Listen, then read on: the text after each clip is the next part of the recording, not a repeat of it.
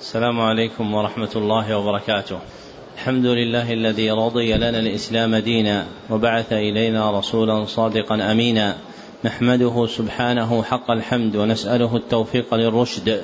ونصلي ونسلم على سيد المرسلين وإمام المتقين وخاتم النبيين وعلى آله وصحابته الأخيار المنتجبين وتابعيهم بإحسان إلى يوم الدين. أما بعد فحدثنا الحسن بن عبد الهادي الحسني وهو أول حديث سمعته منه. قال حدثنا عبد الستار بن عبد الوهاب الدهلوي وهو أول حديث سمعته منه. قال حدثنا أحمد بن إبراهيم بن عيسى القضاعي وهو أول حديث سمعته منه. قال حدثنا عبد الرحمن بن حسن بن محمد بن عبد الوهاب التميمي وهو أول حديث سمعته منه. قال حدثنا عبد الرحمن بن حسن الجبرتي وهو أول حديث سمعته منه. قال حدثنا محمد بن محمد الحسيني وهو أول حديث سمعته منه. حاء حدثنا عاليا درجة الحسن بن عبد الهادي الحسني وهو أول حديث سمعته منه. قال حدثنا عبد الستار بن عبد الوهاب الدهلوي وهو أول حديث سمعته منه. قال حدثنا محمد بن خليل الحسني وهو أول حديث سمعته منه. قال حدثنا محمد بن أحمد البهي وهو أول حديث سمعته منه. قال حدثنا محمد بن محمد الحسيني وهو أول حديث سمعته منه. قال حدثنا داود بن سليمان الخربتاوي وهو أول حديث سمعته منه. قال حدثنا محمد الفيومي المصري وهو أول حديث سمعته منه. قال حدثنا يوسف بن عبد الله الأرميوني وهو أول حديث سمعته منه. قال حدثنا عبد الرحمن بن أبي بكر السيوطي وهو أول حديث سمعته منه. قال حدثنا عبد الرحمن بن علي ابن عمر بن الملقن وهو أول حديث سمعته منه. قال حدثنا جدي عمر بن علي بن الملقن وهو أول حديث سمعته منه. قال حدثنا محمد بن محمد الميدومي وهو أول حديث سمعته منه. قال حدثنا عبد اللطيف بن عبد المنعم الحراني وهو أول حديث سمعته منه. قال حدثنا عبد الرحمن بن علي ابن الجوزي وهو أول حديث سمعته منه قال حدثنا إسماعيل بن أبي صالح النيسابوري وهو أول حديث سمعته منه قال حدثنا أبي أحمد بن عبد الملك النيسابوري وهو أول حديث سمعته منه قال حدثنا محمد بن محمد الزيادي وهو أول حديث سمعته منه قال حدثنا أحمد بن محمد البزاز وهو أول حديث سمعته منه. قال حدثني عبد الرحمن بن بشر ابن الحكم وهو أول حديث سمعته منه. قال حدثني سفيان بن عيينة وهو أول حديث سمعته منه. عن عمرو بن دينار عن أبي قابوس مولى عبد الله بن عمرو بن العاص عن عبد الله بن عمرو بن العاص رضي الله عنهما عن رسول الله صلى الله عليه وسلم قال الراحمون يرحمهم الرحمن ارحموا من في الأرض يرحمكم من في السماء. وبعد فهذا المجلس الثاني عشر في قراءة الكتاب الأول من برنامج قراءة كتب الحديث المسندة بالسرد المجود وهو كتاب الموطأ للإمام أبي عبد الله مالك بن أنس الأصبحي رحمه الله تعالى برواية يحيى بن يحيى الليثي. نعم. أعوذ بالله من الشيطان الرجيم. بسم الله الرحمن الرحيم. والسماء ذات البروج واليوم الموعود. وشاهد ومشهود. قتل أصحاب الأخدود. النار ذات الوقود إذ هم عليها قعود. وهم على ما يفعلون بالمؤمنين شهود. وما نقموا منهم إلا أن يؤمنوا بالله بالله العزيز الحميد الذي له ملك السماوات والأرض والله على كل شيء شهيد إن الذين فتنوا المؤمنين والمؤمنات ثم لم يتوبوا فلهم عذاب جهنم ولهم عذاب الحريق. إن الذين آمنوا وعملوا الصالحات لهم جنات تجري من تحتها الأنهار. ذلك الفوز الكبير. إن بطش ربك لشديد. إنه هو يبدئ ويعيد وهو الغفور الودود ذو العرش المجيد فعال لما يريد هل أتاك حديث الجنود فرعون وثمود بل الذين كفروا في تكذيب والله من ورائهم محيط بل هو قرآن مجيد في لوح محفوظ. الحمد لله رب العالمين والصلاة والسلام على أشرف الأنبياء والمرسلين نبينا محمد وعلى آله وصحبه أجمعين. اللهم اغفر لشيخنا ولوالديه ولمشايخه وللحاضرين وللمسلمين أجمعين. أخبركم رحمكم الله محمد الفاضل بن محمد التقلاوي قراءة عليه قال أخبرنا عوض الكريم الرفاعي الأزهري قال أخبرنا أحمد بن محجوب الرفاعي الأزهري قال أخبرنا أحمد بن أحمد العميري الشباسي قال أخبرنا محمد بن محمد الأمير الكبير إجازة إن لم يكن سماعا قال أخبرنا علي بن محمد العربي السقاط. قال أخبرنا عبد الله بن سالم البصري المكي قال أخبرنا عيسى بن محمد الثعالبي قال أخبرنا سلطان بن أحمد المزاحي قال أخبرنا أحمد بن خليل السبكي قال أخبرنا محمد بن أحمد الغيطي.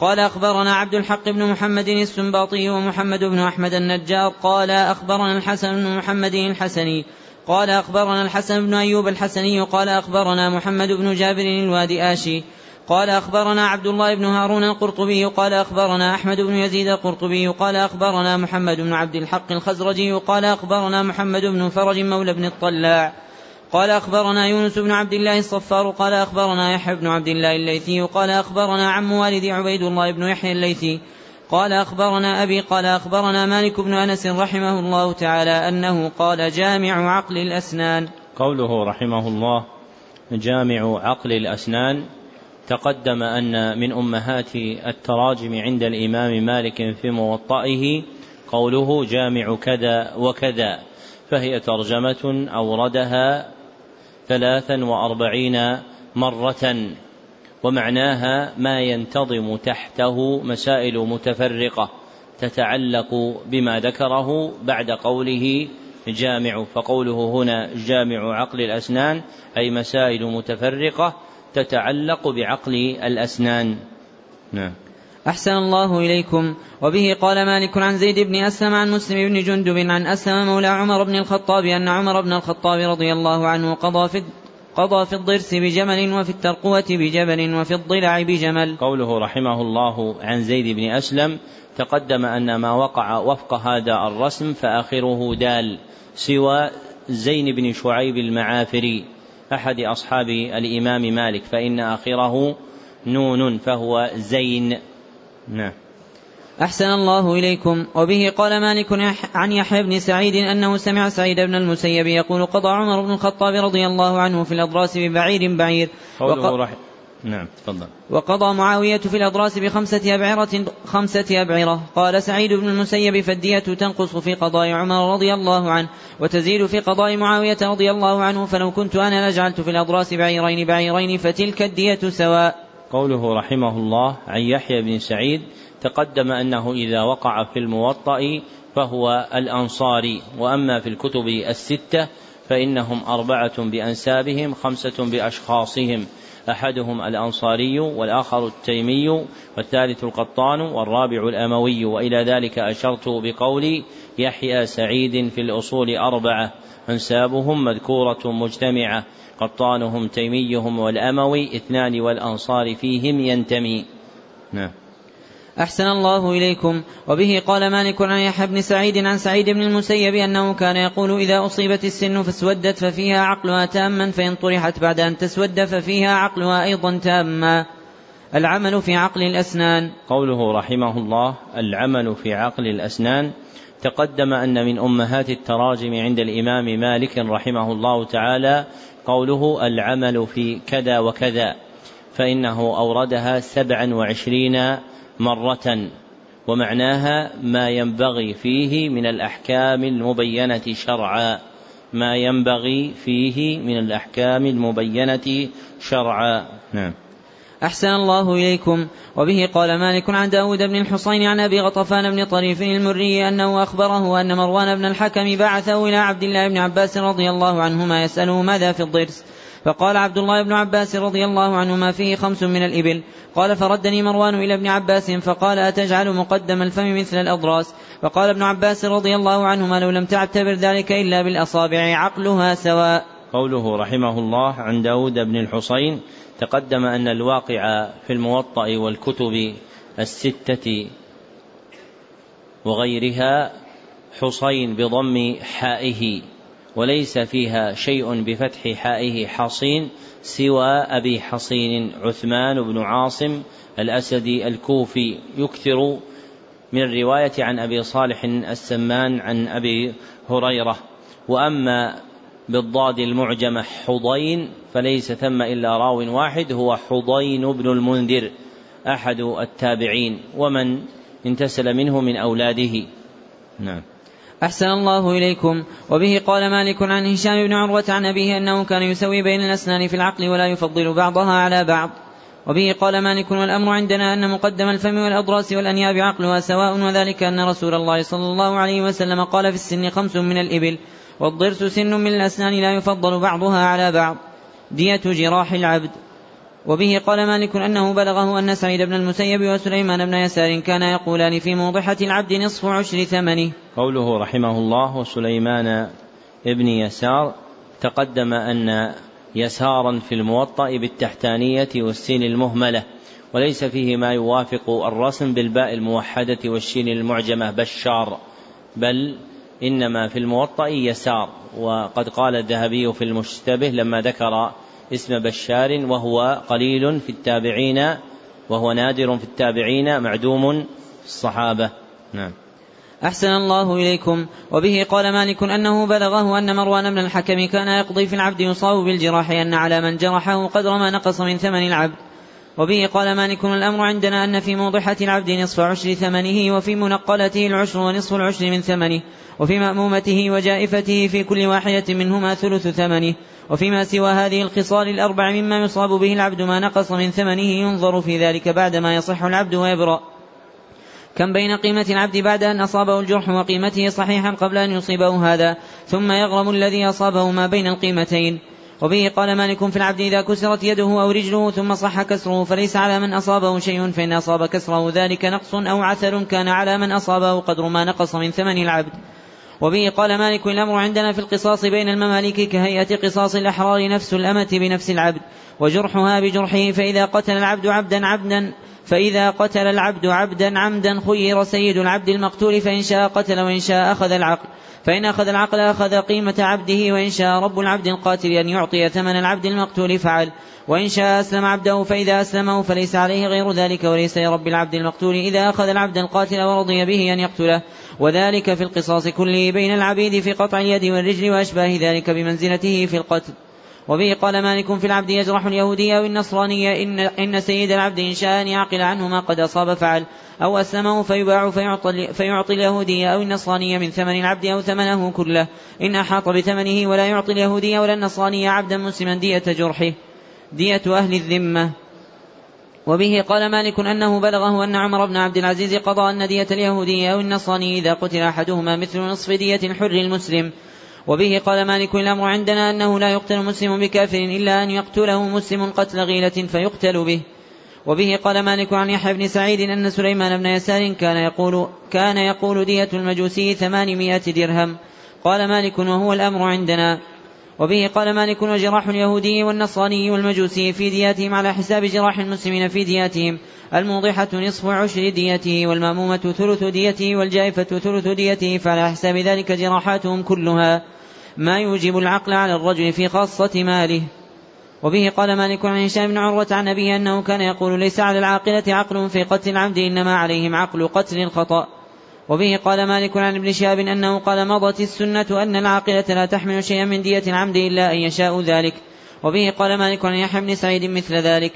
وبه قال مالك إن ابن شهاب قال مضت السنة في قتل العمد حين يعفو أولياء المقتول أن الدية تكون على القاتل في ماله خاصة إلا أن تعينه العاقلة عن طيب أنفس منها.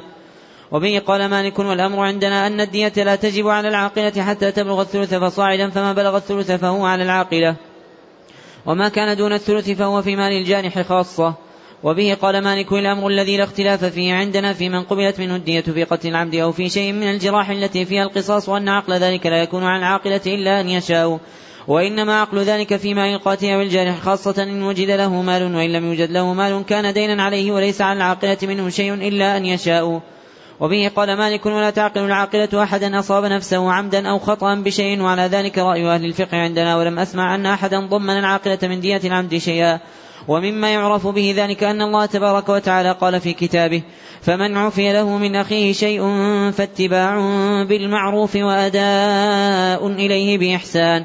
فتفسير ذلك فيما نرى أنه, أنه من أعطي من أخيه شيء من العقل فليتبعه بالمعروف وليؤدي إليه بإحسان. وبه قال مالك في الصبي الذي, مال الذي لا مال له والمرأة التي لا مال لها إذا جنى أحدهما جناية دون الثلث إنه ضامن على الصبي والمرأة في مالهما خاصة إن كان لهما مال أخذ منه وإلا فجناية كل واحد منهما دين عليه ليس على العاقلة منه شيء ولا يؤخذ أبو الصبي بعقل جناية الصبي وليس ذلك عليه. وبه قال مالك الأمر عندنا الذي لا اختلاف فيه أن العبد إذا قتل كانت فيه القيمة يوم يقتل ولا تحمل عاقلة قاتله من قيمة العبد شيئا. قل أو كثر وإنما ذلك على الذي أصابه في ماله خاصة بالغا ما بلغ. وإن كانت قيمة العبد الدية أو أكثر فذلك عليه في ماله وذلك لأن العبد سلعة من السلع. ميراث العقل والتغليظ فيه. وبه قال مالك عن ابن شهاب أن عمر بن الخطاب رضي الله عنه نشد الناس بمن من كان عنده علم من الدية أن يخبرني فقام الضحاك بن سفيان الكلابي رضي الله عنه فقال كتب إلي رسول الله صلى الله عليه وسلم أن أورث امرأة أشيم الضبابي من دية زوجها فقال له عمر رضي الله عنه ادخل الخباء حتى آتيك فلما نزل عمر بن الخطاب رضي الله عنه أخبره الضحاك فقضى بذلك عمر بن الخطاب. قال ابن شهاب وكان قتل أشيم خطأ. وبه قال مالك عن يحيى بن سعيد عن عمرو بن شعيب أن رجلا من بني مدلج يقال له قتادة حذف ابنه بالسيف فأصاب ساقه فنزي في جرحه فمات فقدم سراقة بن جعشم على عمر بن الخطاب رضي الله عنه فذكر ذلك له. فقال له عمر اعدد, اعدد على ماء قديد عشرين ومائة بعير حتى أقدم عليك. فلما قدم إليه عمر رضي الله عنه أخذ من تلك الإبل ثلاثين حقة وثلاثين جذعة وأربعين خليفة ثم قال أين أخو المقتول؟ قال ها أنا ذا قال خذها فقال خذها فإن رسول الله صلى الله عليه وسلم قال ليس للقاتل شيء ليس لقاتل شيء. وبه قال مالك أنه بلغه أن سعيد بن المسيب وسليمان بن يسار سئلا أتغلظ الدية في الشهر الحرام؟ فقال لا ولكن يزاد فيها للحرمة. فقيل لسعيد هل يزاد في الجراح كما يزاد في النفس؟ فقال نعم. قال مالك وراه ما أراد مثل الذي صنع عمر بن الخطاب رضي الله عنه في عقل المدلجي حين أصاب ابنه. وبه قال مالك عن يحيى بن سعيد عن عروة بن الزبير أن رجلا من الأنصار يقال له أحيحة بن الجناح كان له عم صغير. هو أصغر من أحيحة وكان عند أخواله فأخذه أحيحة فقتله فقال أخواله كنا أهل كنا أهل ثمه ورمه حتى إذا استوى على عممه غلبنا حق امرئ في عمه. فقال عروة فلذلك لا يرث قاتل من قتل. وبه قال مالك الأمر الذي لا اختلاف فيه عندنا أن قاتل العمد لا يرث من دية من قتل شيئا ولا من ماله. ولا يحجب أحد وق ولا يحجب أحدا وقع له ميراث وأن الذي يقتل خطأ لا يرث من الدية شيئا وقد اختلف في أن يرث من ماله لأنه لا يتهم على أنه قتله ليرثه. وليأخذ ماله فأحب إليه أن يرث من ماله ولا يرث من ديته. جامع العقل. وبه قال مالك عن ابن شهاب عن سعيد بن المسيب وابي سلمة بن عبد الرحمن عن أبي هريرة رضي الله عنه أن رسول الله صلى الله عليه وسلم قال: جرح جرح العجماء جبار والبئر جبار والمعدن جبار وفي الركاز الخمس. قال مالك وتفسير الجبار أنه لا دية فيه. وبه قال مالك قوله رحمه الله وأبي سلمة بن عبد الرحمن تقدم أن سلمة بفتح لامه إلا في موضعين أحدهما عمرو بن سلمة الجرمي والآخر في بني سلمة. قوم من الأنصار لهم ذكر في الموطأ وفي غيره والنسبة إليهم السلمي. نعم. أحسن الله إليكم. وبه قال مالك القائد والسائق والراكب, والراكب كلهم ضامن لما أصابت الدابة إلا أن ترمح الدابة من غير أن يفعل بها شيئا ترمح له. وقد قضى عمر بن الخطاب رضي الله عنه في الذي أجرى فرسه بالعقل. قال مالك القائد والسائق والراكب أحرى أن يغرموا من الذي أجرى فرسه. وبه قال مالك الأمر عندنا في الذي يحفر البئر على الطريق أو يربط أو يربط الدابة أو يصنع أشبه هذا على طريق المسلمين أن ما صنع من ذلك مما لا يجوز له أن يصنعه على طريق المسلمين فهو ضامن لما أصيب في ذلك من جرح أو غيره. فما كان من ذلك عقله دون ثلث الدية فهو في ماله خاصة وما بلغ الثلث فصاعدا فهو عن العاقلة.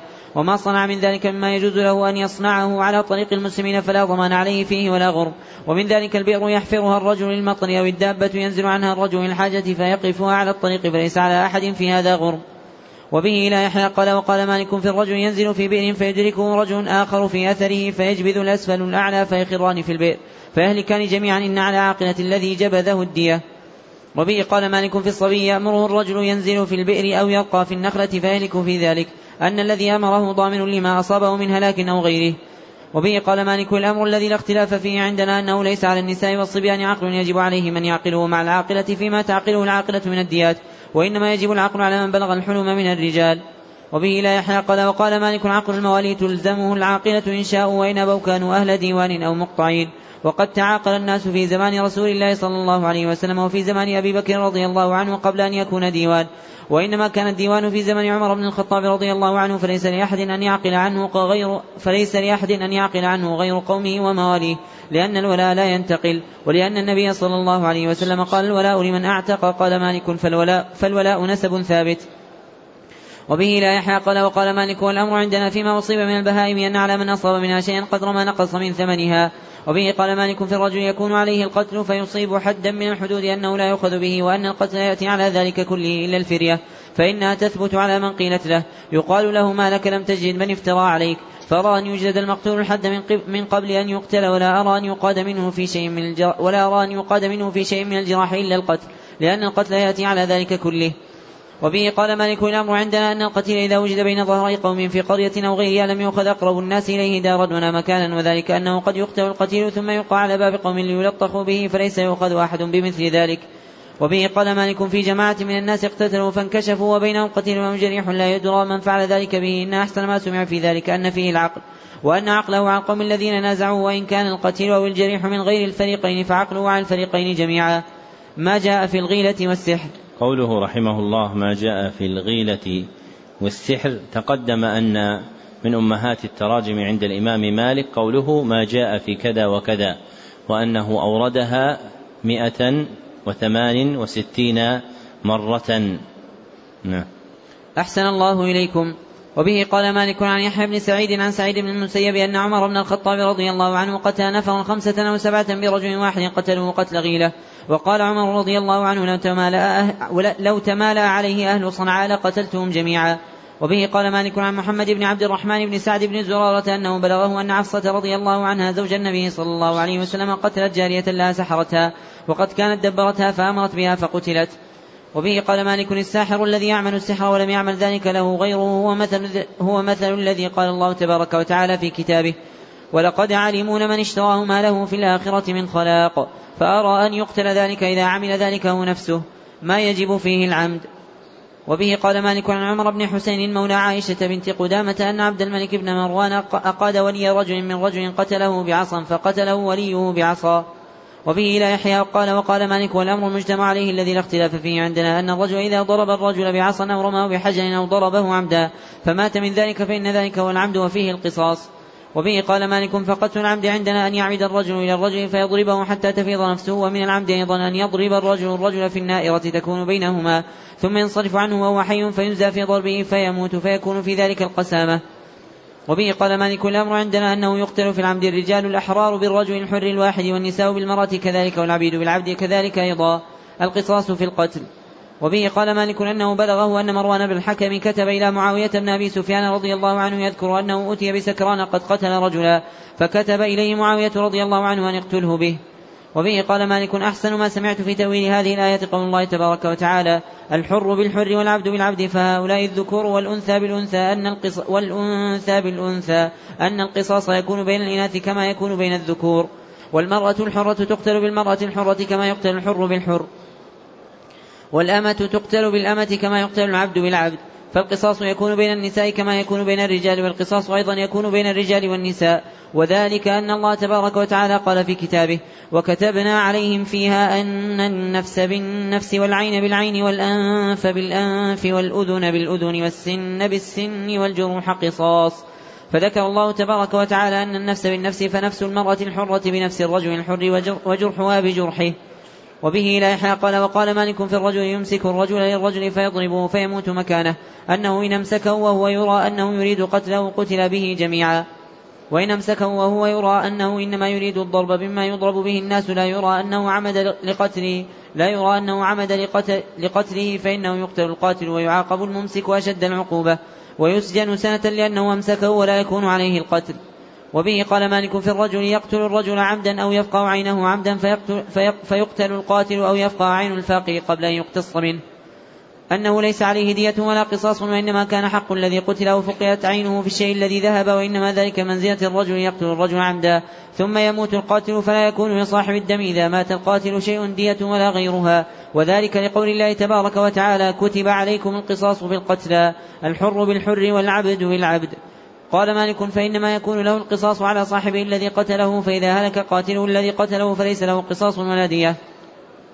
وبه لا يحيى قال قال مالك ليس بين العبد والحر قود في شيء من الجراح والعبد يقتل بالحر إذا قتله عمدا ولا يقتل الحر بالعبد وإن قتله عمدا وهذا أحسن ما سمعت.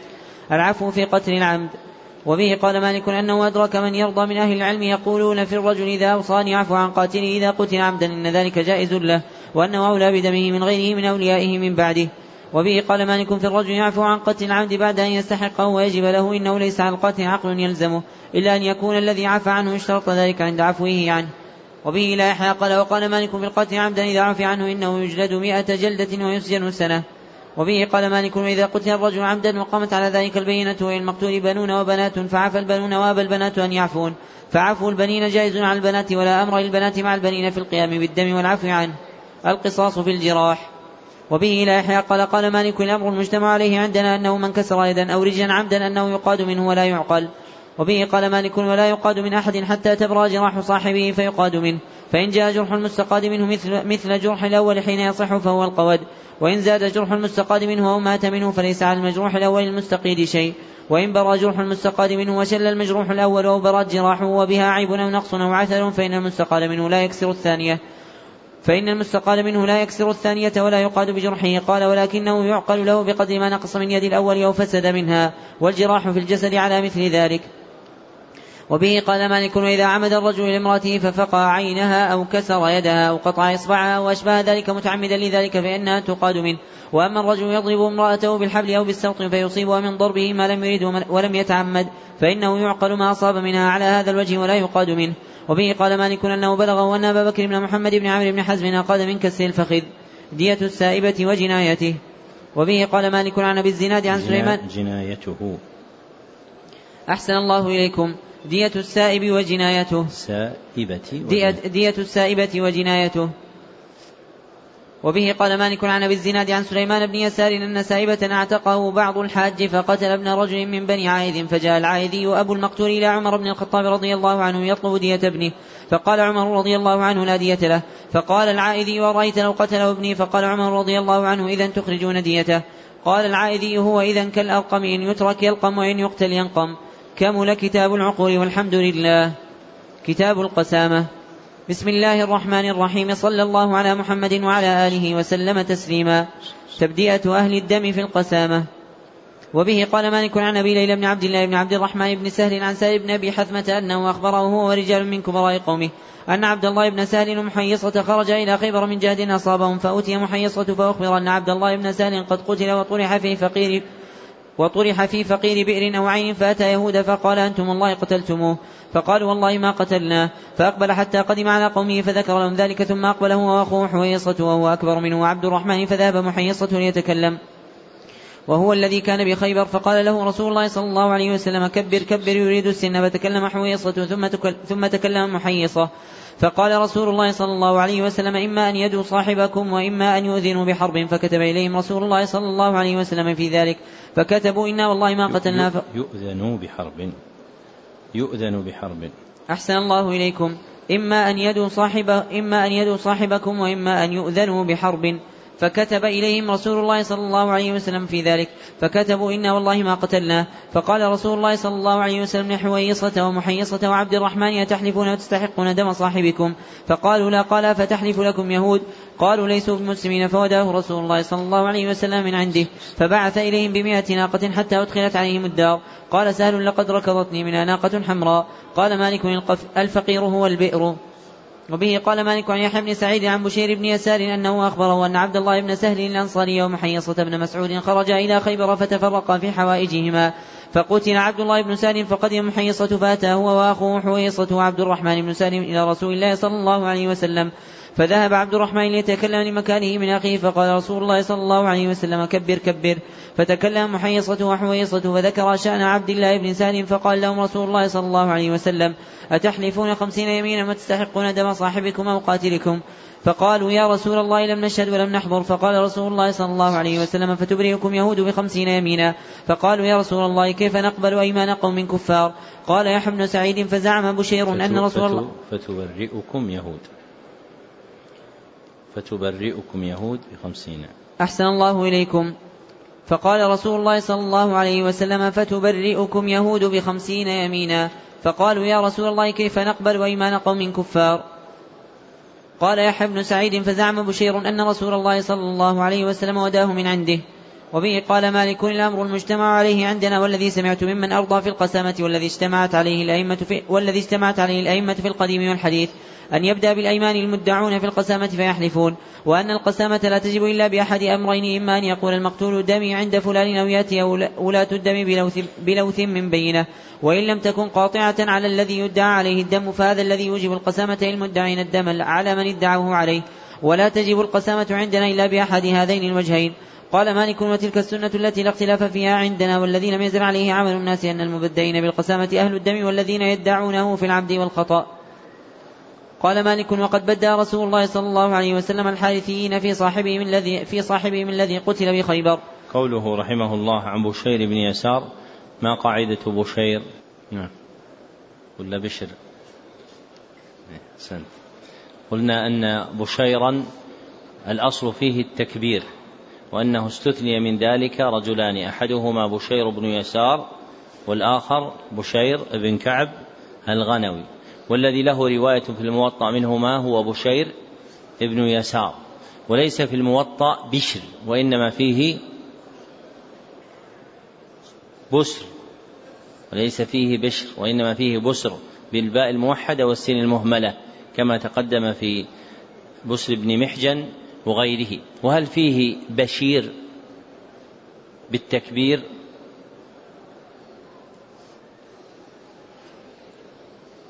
فيه رجل واحد في أول الموطأ وهو بشير بن أبي مسعود. فيه رجل واحد في أول الموطأ في وقوت الصلاة وهو بشير بن أبي مسعود. فتحصل من هذا أن في الموطأ بشير وبشير. فأما بشير فبشير ابن أبي مسعود. وأما بشير فبشير ابن يسار وليس فيه بشر وإنما فيه بسر نعم. أحسن الله إليكم. وبه قال مالك فإن حلف المدعون استحقوا دم صاحبهم وقتلوا من حلفوا عليه. ولا يقتل في القسامة إلا واحد ولا يقتل في أثنان يحلف من ولاة الدم خمسون رجلا خمسين يمينا. فإن قل عددهم أو نكل بعضهم ردد رددت الأيمان عليهم إلا أن ينكل أحد من ولاة المقتول ولاة الدم الذين يجوز لهم العفو عنه فإن نكل أحد من أولئك فلا سبيل إلى الدم إذا نكل أحد منهم. وبه قال مالك وإنما تردد الأيمان على من بقي منهم إذا نكل أحد ممن لا يجوز له عفو. قال فإنك لا أحد من ولاة الدم الذين يجوز لهم العفو عن الدم وإن كان واحدا فإن الأيمان لا تردد على من بقي من ولاة, من ولاة الدم. إذا نكل أحد منهم عن الأيمان ولكن الأيمان إذا كان ذلك ترد على المدعى عليهم. فيحلف منهم خمسون رجلا خمسين يمينا فإن لم يبلغوا خمسين رجلا رددت, الأيمان على من حلف منهم. فإن لم يوجد أحد يحلف إلا الذي ادعي عليه حلف هو خمسين يمينا وبرئ وبه قال مالك وإنما فرق بين القسامة في الدم والأيمان في الحقوق أن الرجل إذا داين الرجل استثبت عليه في حقه وأن الرجل إذا أراد قتل الرجل لم يقتله في جماعة من الناس وإنما يلتمس الخلوة. قال فلو لم تكن القسامة إلا فيما تثبت فيه البينة ولو عمل, ولو عمل فيها كما يعمل في الحقوق هلكت الدماء واجترأ الناس عليها إذا عرفوا القضاء فيها. ولكن إنما جعلت القسامة إلى ولاة المقتول يبدأون بها ليكف يبدأون بها ليكف الناس عن, دم عن الدم وليحذر القاتل أن يؤخذ في مثل ذلك بقول المقتول. وبه قال مالك في القوم يكون لهم العدد يتهمون بالدم فيرد فيرد ولاة المقتول الأيمان عليهم وهم نفر لهم عدد أنه يحلف كل إنسان منهم عن نفسه خمسين يمينا ولا تقطع الأيمان عليهم بقدر عددهم فلا يبرؤون دون أن يحلف كل إنسان منهم خمسين يمينا قال مالك وهذا أحسن ما سمعت في ذلك قال والقسامة تصير إلى عصبة المقتول وهم ولاة الدم الذين يقسمون عليه والذين يقتل بقسامتهم من تجوز قسامته في العمد من ولاة الدم وبه لا يحيى قال قال مالك الأمر الذي لا اختلاف فيه عندنا أنه لا يحلو بالقسامة في العمد أحد من النساء وإن لم يكن للمقتول ولاة إلا النساء فليس للنساء في قتل العمد قسامة ولا عفو. وبه قال مالك في الرجل يقتل عمدا أنه إذا قام عصبة المقتول أو مواليه فقالوا نحن نحلف ونستحق دم صاحبنا فذلك لهم. وبه قال مالك وإن أراد النساء أن يعفون فليس ذلك لهن العصبة والموالي أولى بذلك منهن لأنهم, إن لأنهم هم الذين استحقوا الدم وحلفوا عليه. وبه قال مالك وإن عفت العصبة أو, أو, أو الموالي بعد أن يستحقوا الدم وأبى النساء وقلنا لا ندع قاتل صاحبنا فهن أحق وأولى بذلك لأن من أخذ القود أحق ممن تركه من النساء والعصبة إذا ثبت الدم واجب القتل. وبه قال مالك لا يقسم في قتل العمد من المدعين إلا اثنان فصاعدا تردد الأيمان عليهما, عليهما حتى يحلف خمسين يمينا ثم قد استحق الدم وذلك الأمر عندنا. لا يقسم بكسر السين. قال مالك لا يقسم. أحسن الله إليكم. وبه قال مالك لا يقسم في قتل العمد من المدع من المدعين إلا اثنان فصاعدا تردد, تردد الأيمان عليهما حتى يحلف خمسين يمينا ثم قد استحق الدم وذلك الأمر عندنا. وبه قال مالك وإذا ضرب النفر الرجل حتى يموت تحت أيديهم قتلوا به جميعا فإن هو مات بعد ضربهم كانت قسامة. وإذا كانت قسامة لم تكن إلا على رجل واحد ولم يقتل غيره. ولم نعلم قسامة كانت قط إلا على رجل واحد. القسامة في الخطأ. وبه قال مالك القسامة في قتل الخطأ يقسم الذين يدعون الدم ويستحقونه بقسامتهم. يحلفون خمسين يمينا تكون على قسم مواريثهم من الدية. تكون على قسم مواريثهم مواريثهم من الدية. فإن كان في الأيمان كسور إذا قسمت بينهم نظر إلى الذي يكون عليه أكثر تلك الأيمان. نظر إلى الذي يكون عليه أكثر تلك الأيمان إذا قسمت فتجبر عليه تلك اليمين.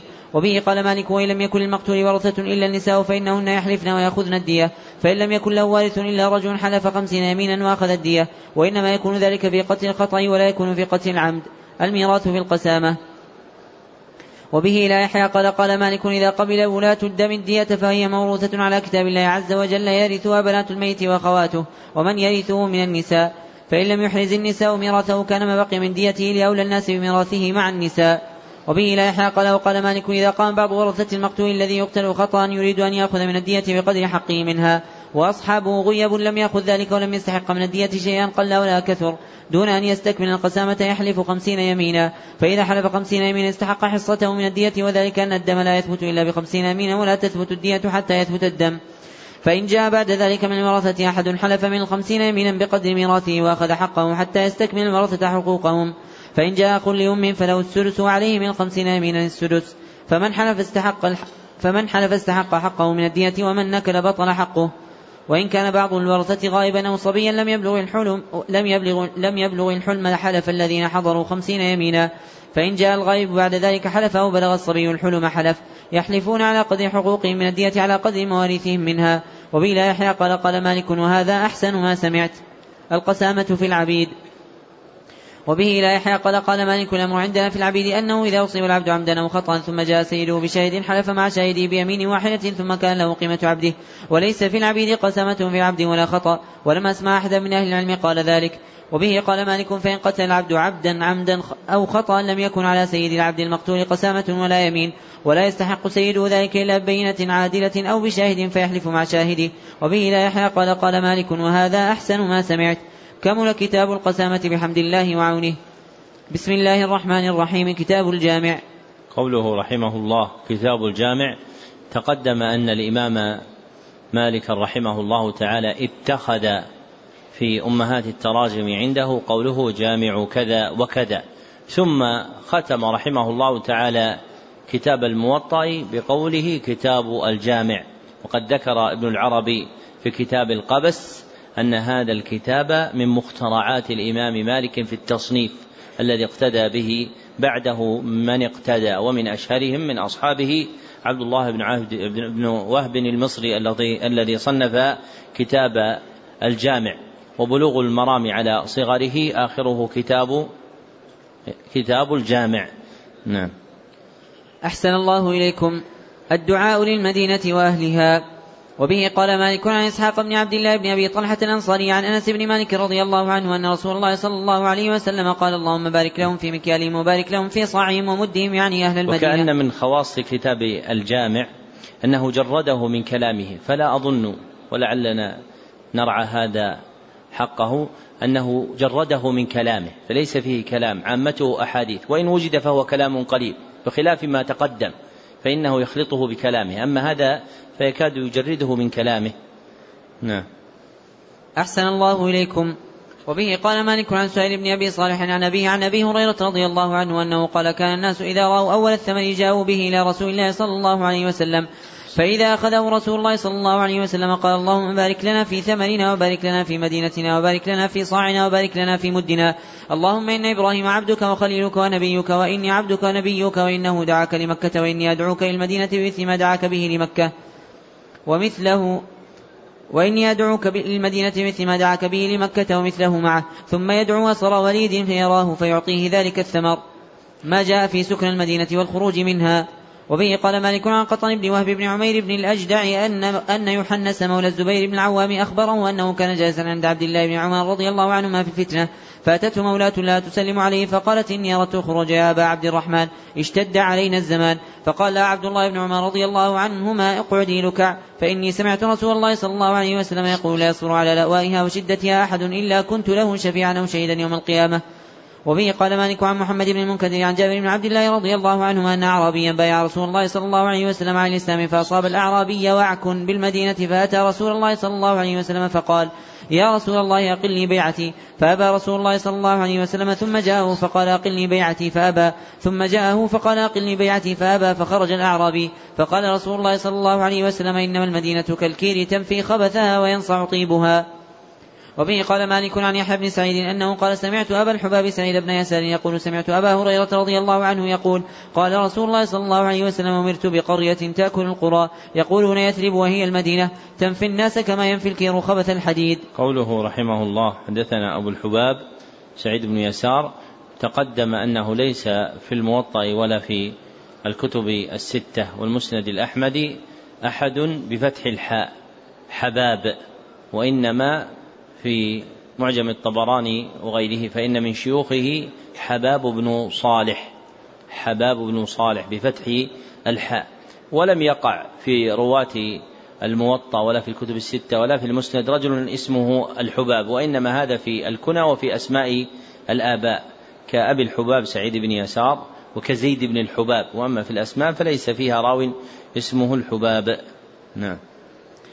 أحسن الله إليكم. وبه قال مالك عن هشام بن عروة عن أبيه أن رسول الله صلى الله عليه وسلم قال لا يخرج أحد من المدينة رغبة عنها إلا أبدله الله خيرا منه. إلا أبدلها الله خيرا منه. وبه قال مالك عن هشام بن عروة عن أبيه عن عبد الله بن الزبير عن سفيان, عن سفيان بن أبي زهير رضي الله عنه أنه قال سمعت رسول الله صلى الله عليه وسلم يقول تفتح اليمن فيأتي قوم يبسون فيتحملون بأهلهم ومن أطاعهم المدينة خير لهم لو كانوا يعلمون. وتفتح الشام فيأتي قوم يبسون فيتحملون بأهلهم ومن أطاعهم المدينة خير لهم لو كانوا يعلمون. وتفتح العراق فيأتي قوم يبسون فيتحملون بأهلهم ومن أطاعهم المدينة خير لهم لو كانوا يعلمون. وبه قال مالك عن ابن حماس عن عمه. قوله رحمه الله عن عبد الله بن الزبير تقدم أن الزبير بضم الزاي ولم يقع بفتحها إلا في رجلين هما عبد الرحمن ابن الزبير والآخر ولده الزبير ابن عبد الرحمن بن الزبير. نعم. أحسن الله إليكم. وبه قال مالك عن ابن حماس عن عمه عن أبي هريرة رضي الله عنه أن رسول الله صلى الله عليه وسلم قال لتتركن المدينة على أحسن ما كانت حتى يدخل الكلب أو الذئب فيغذي على بعض سوار المسجد أو المنبر فقالوا يا رسول الله فلمن يكون الثمار ذلك الزمان؟ قال فقال للعواف الطير والسباع وبه قال مالك أنه بلغه أن عمر بن عبد العزيز حين خرج من المدينة التفت إليها فبكى ثم قال يا مزاحم أتخشى أن نكون ممن نفت المدينة؟ ما جاء في تحريم المدينة؟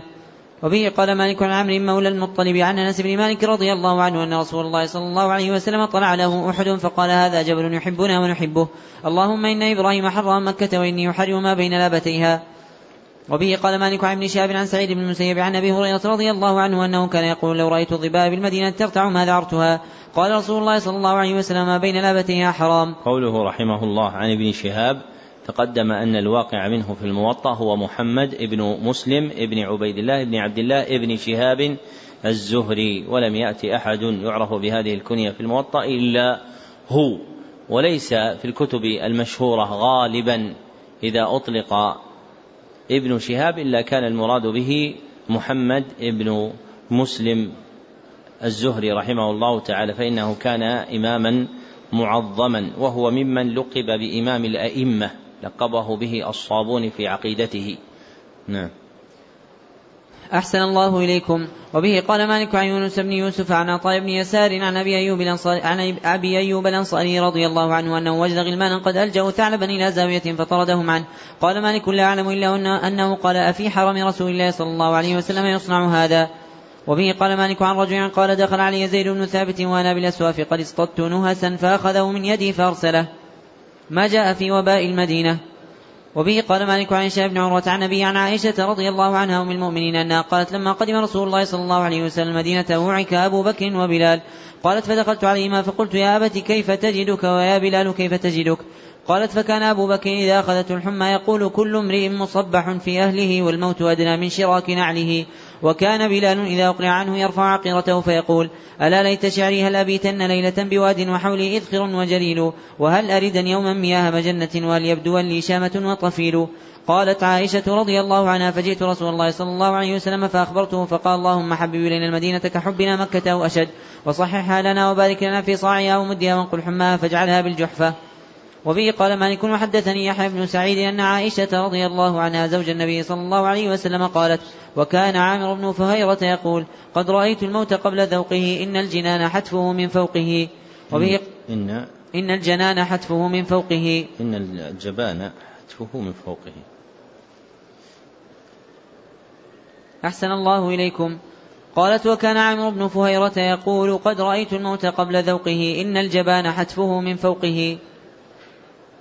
وبه قال مالك عن نعيم بن عبد الله المجمري عن أبي هريرة رضي الله عنه أنه قال قال رسول الله صلى الله عليه وسلم على أنقاب المدينة ملائكة لا يدخلها الطاعون ولا الدجال ما جاء في اليهود وبه قال مالك عن إسماعيل بن أبي حكيم إنه سمع عمر بن عبد العزيز يقول كان من آخر ما تكلم به رسول الله صلى الله عليه وسلم أن قال قاتل الله اليهود والنصارى اتخذوا قبور انبيائهم مساجد لا يبقين دينان بأرض العرب. قوله رحمه الله عن إسماعيل بن أبي حكيم تقدم أن حكيما إذا وقع في الموطأ فهو بفتح حائه.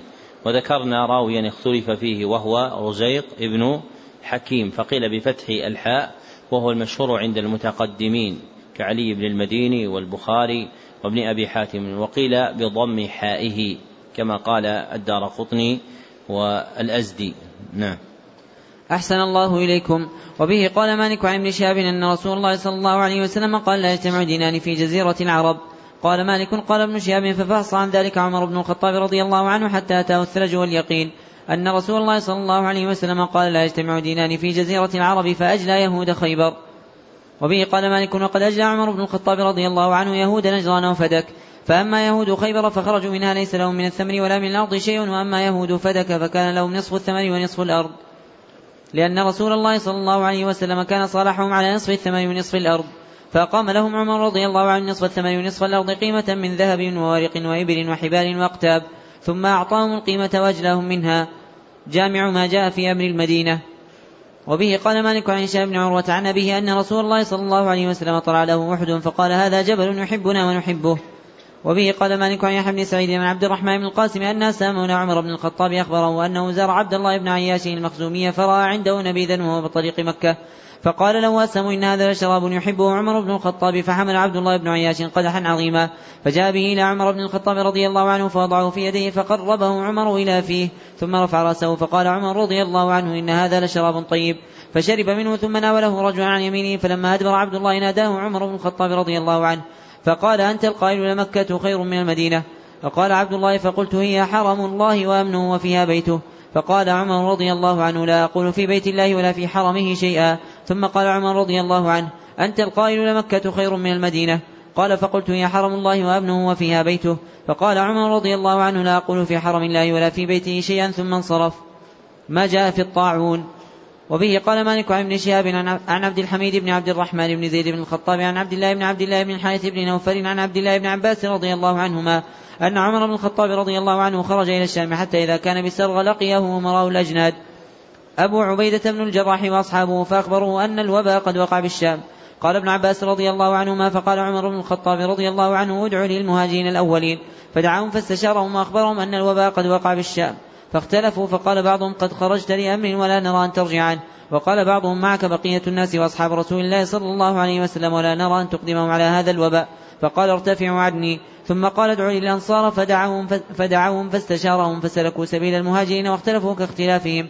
فقال ارتفعوا عني ثم قال ادعوا لي ثم قال ادعوا لي من كان ها هنا من مشيخة قريش من مهاجرة الفتح فدعوهم فلم يختلف عليه منهم رجلان فقالوا نرى أن ترجع بالناس ولا تقدمهم على هذا الوباء. فنادى عمر رضي الله عنه في الناس إني مصبح على ظهر فأصبحوا عليه. فقال أبو عبيدة رضي الله عنه أفرارا من قدر الله؟ فقال عمر رضي الله عنه لو غيرك؟ قالها يا أبا عبيدة نعم نفر من قدر الله إلى قدر الله. أرأيت لو كان لك إبل فهبطت واديا له عدوتان. إحداهما مخصبة والأخرى جدبة أليس إن رعيت الخصيبة رعيتها بقدر الله وإن رعيت الجدبة رعيتها بقدر الله.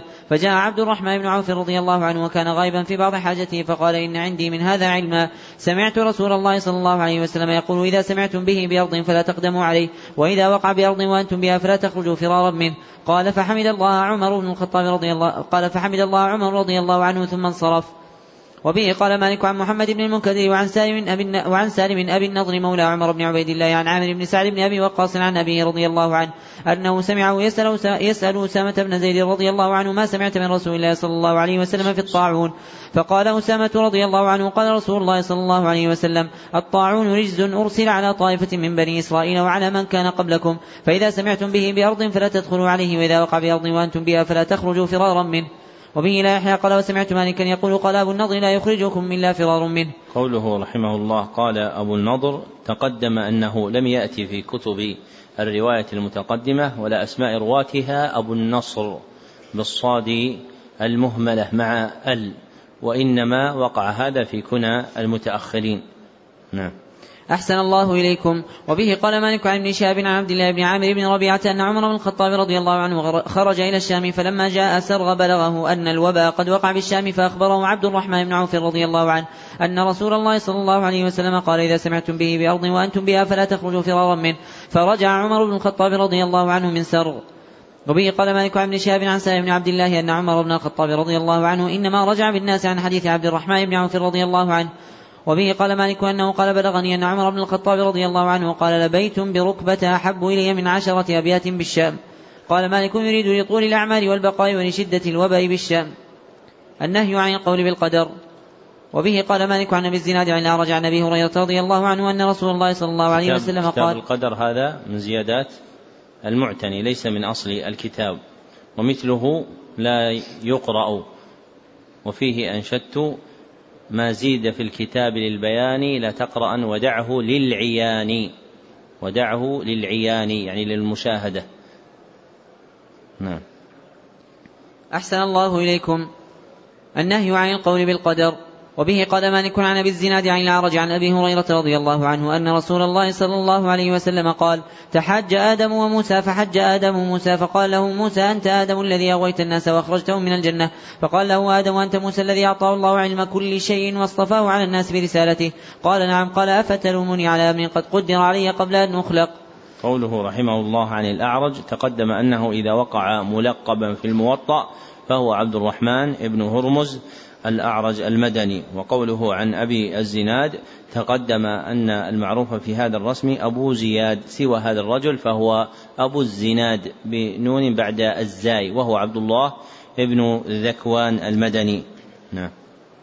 أحسن الله إليكم. وبه قال مالك عن زيد بن أبي أنيسة عن عبد الحميد بن عبد الرحمن بن زيد بن الخطاب أنه أخبره عن مسلم بن يسار الجهني عن مسلم بن يسار الجهني أن عمر بن الخطاب رضي الله عنه سئل عن هذه الآية وإذ أخذ ربك من بني آدم من ظهورهم ذريتهم وأشهدهم على أنفسهم ألست بربكم قالوا بلى شهدنا أن تقولوا يوم القيامة إنا كنا عن هذا غافلين. فقال عمر رضي الله عنه سمعت رسول الله صلى الله عليه وسلم يسأل عنها. فقال رسول الله صلى الله عليه وسلم إن الله تبارك وتعالى خلق آدم ثم مسح ظهره بيمينه. فاستخرج منه ذرية فقال خلقت هؤلاء للجنة وبعمل أهل الجنة يعملون. ثم مسح ظهره فاستخرج منه ذرية فقال خلقت هؤلاء للنار وبعمل أهل النار يعملون. فقال رجل يا رسول الله ففي ففيما العمل؟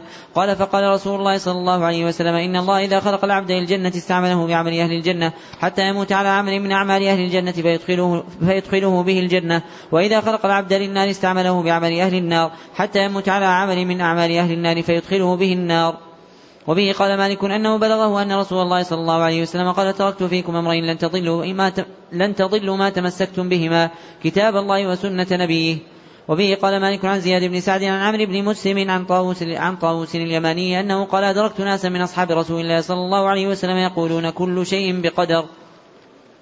قال طاووس وسمعت عبد الله بن عمر رضي الله عنهما يقول. قال رسول الله صلى الله عليه وسلم كل شيء بقدر حتى العجز والكيس أو الكيس والعجز. وبه قال مالك عن زياد بن سعد عن عمرو بن دينار أنه قال سمعت عبد الله بن الزبير يقول في خطبته إن الله هو الهادي والفاتن. وبه قال مالك عن عمي أبي سهيل بن مالك قال كنت أسير مع عمر بن عبد العزيز فقال ما رأيك في هؤلاء القدرية؟ قال فقلت رأيي أن تستتيبهم فإن قبلوا وإلا عرضتهم على السيف. فقال عمر بن عبد العزيز وذلك رأيي. قال مالك وذلك رأيي. قوله رحمه الله عن عمه أبي سهيل تقدم أن مالكا لم يحدث عن أحد من قرابته في الموطأ إلا عن عمه أبي سهيل بن مالك. نعم. أحسن الله إليكم. جامع ما جاء في أهل القدر.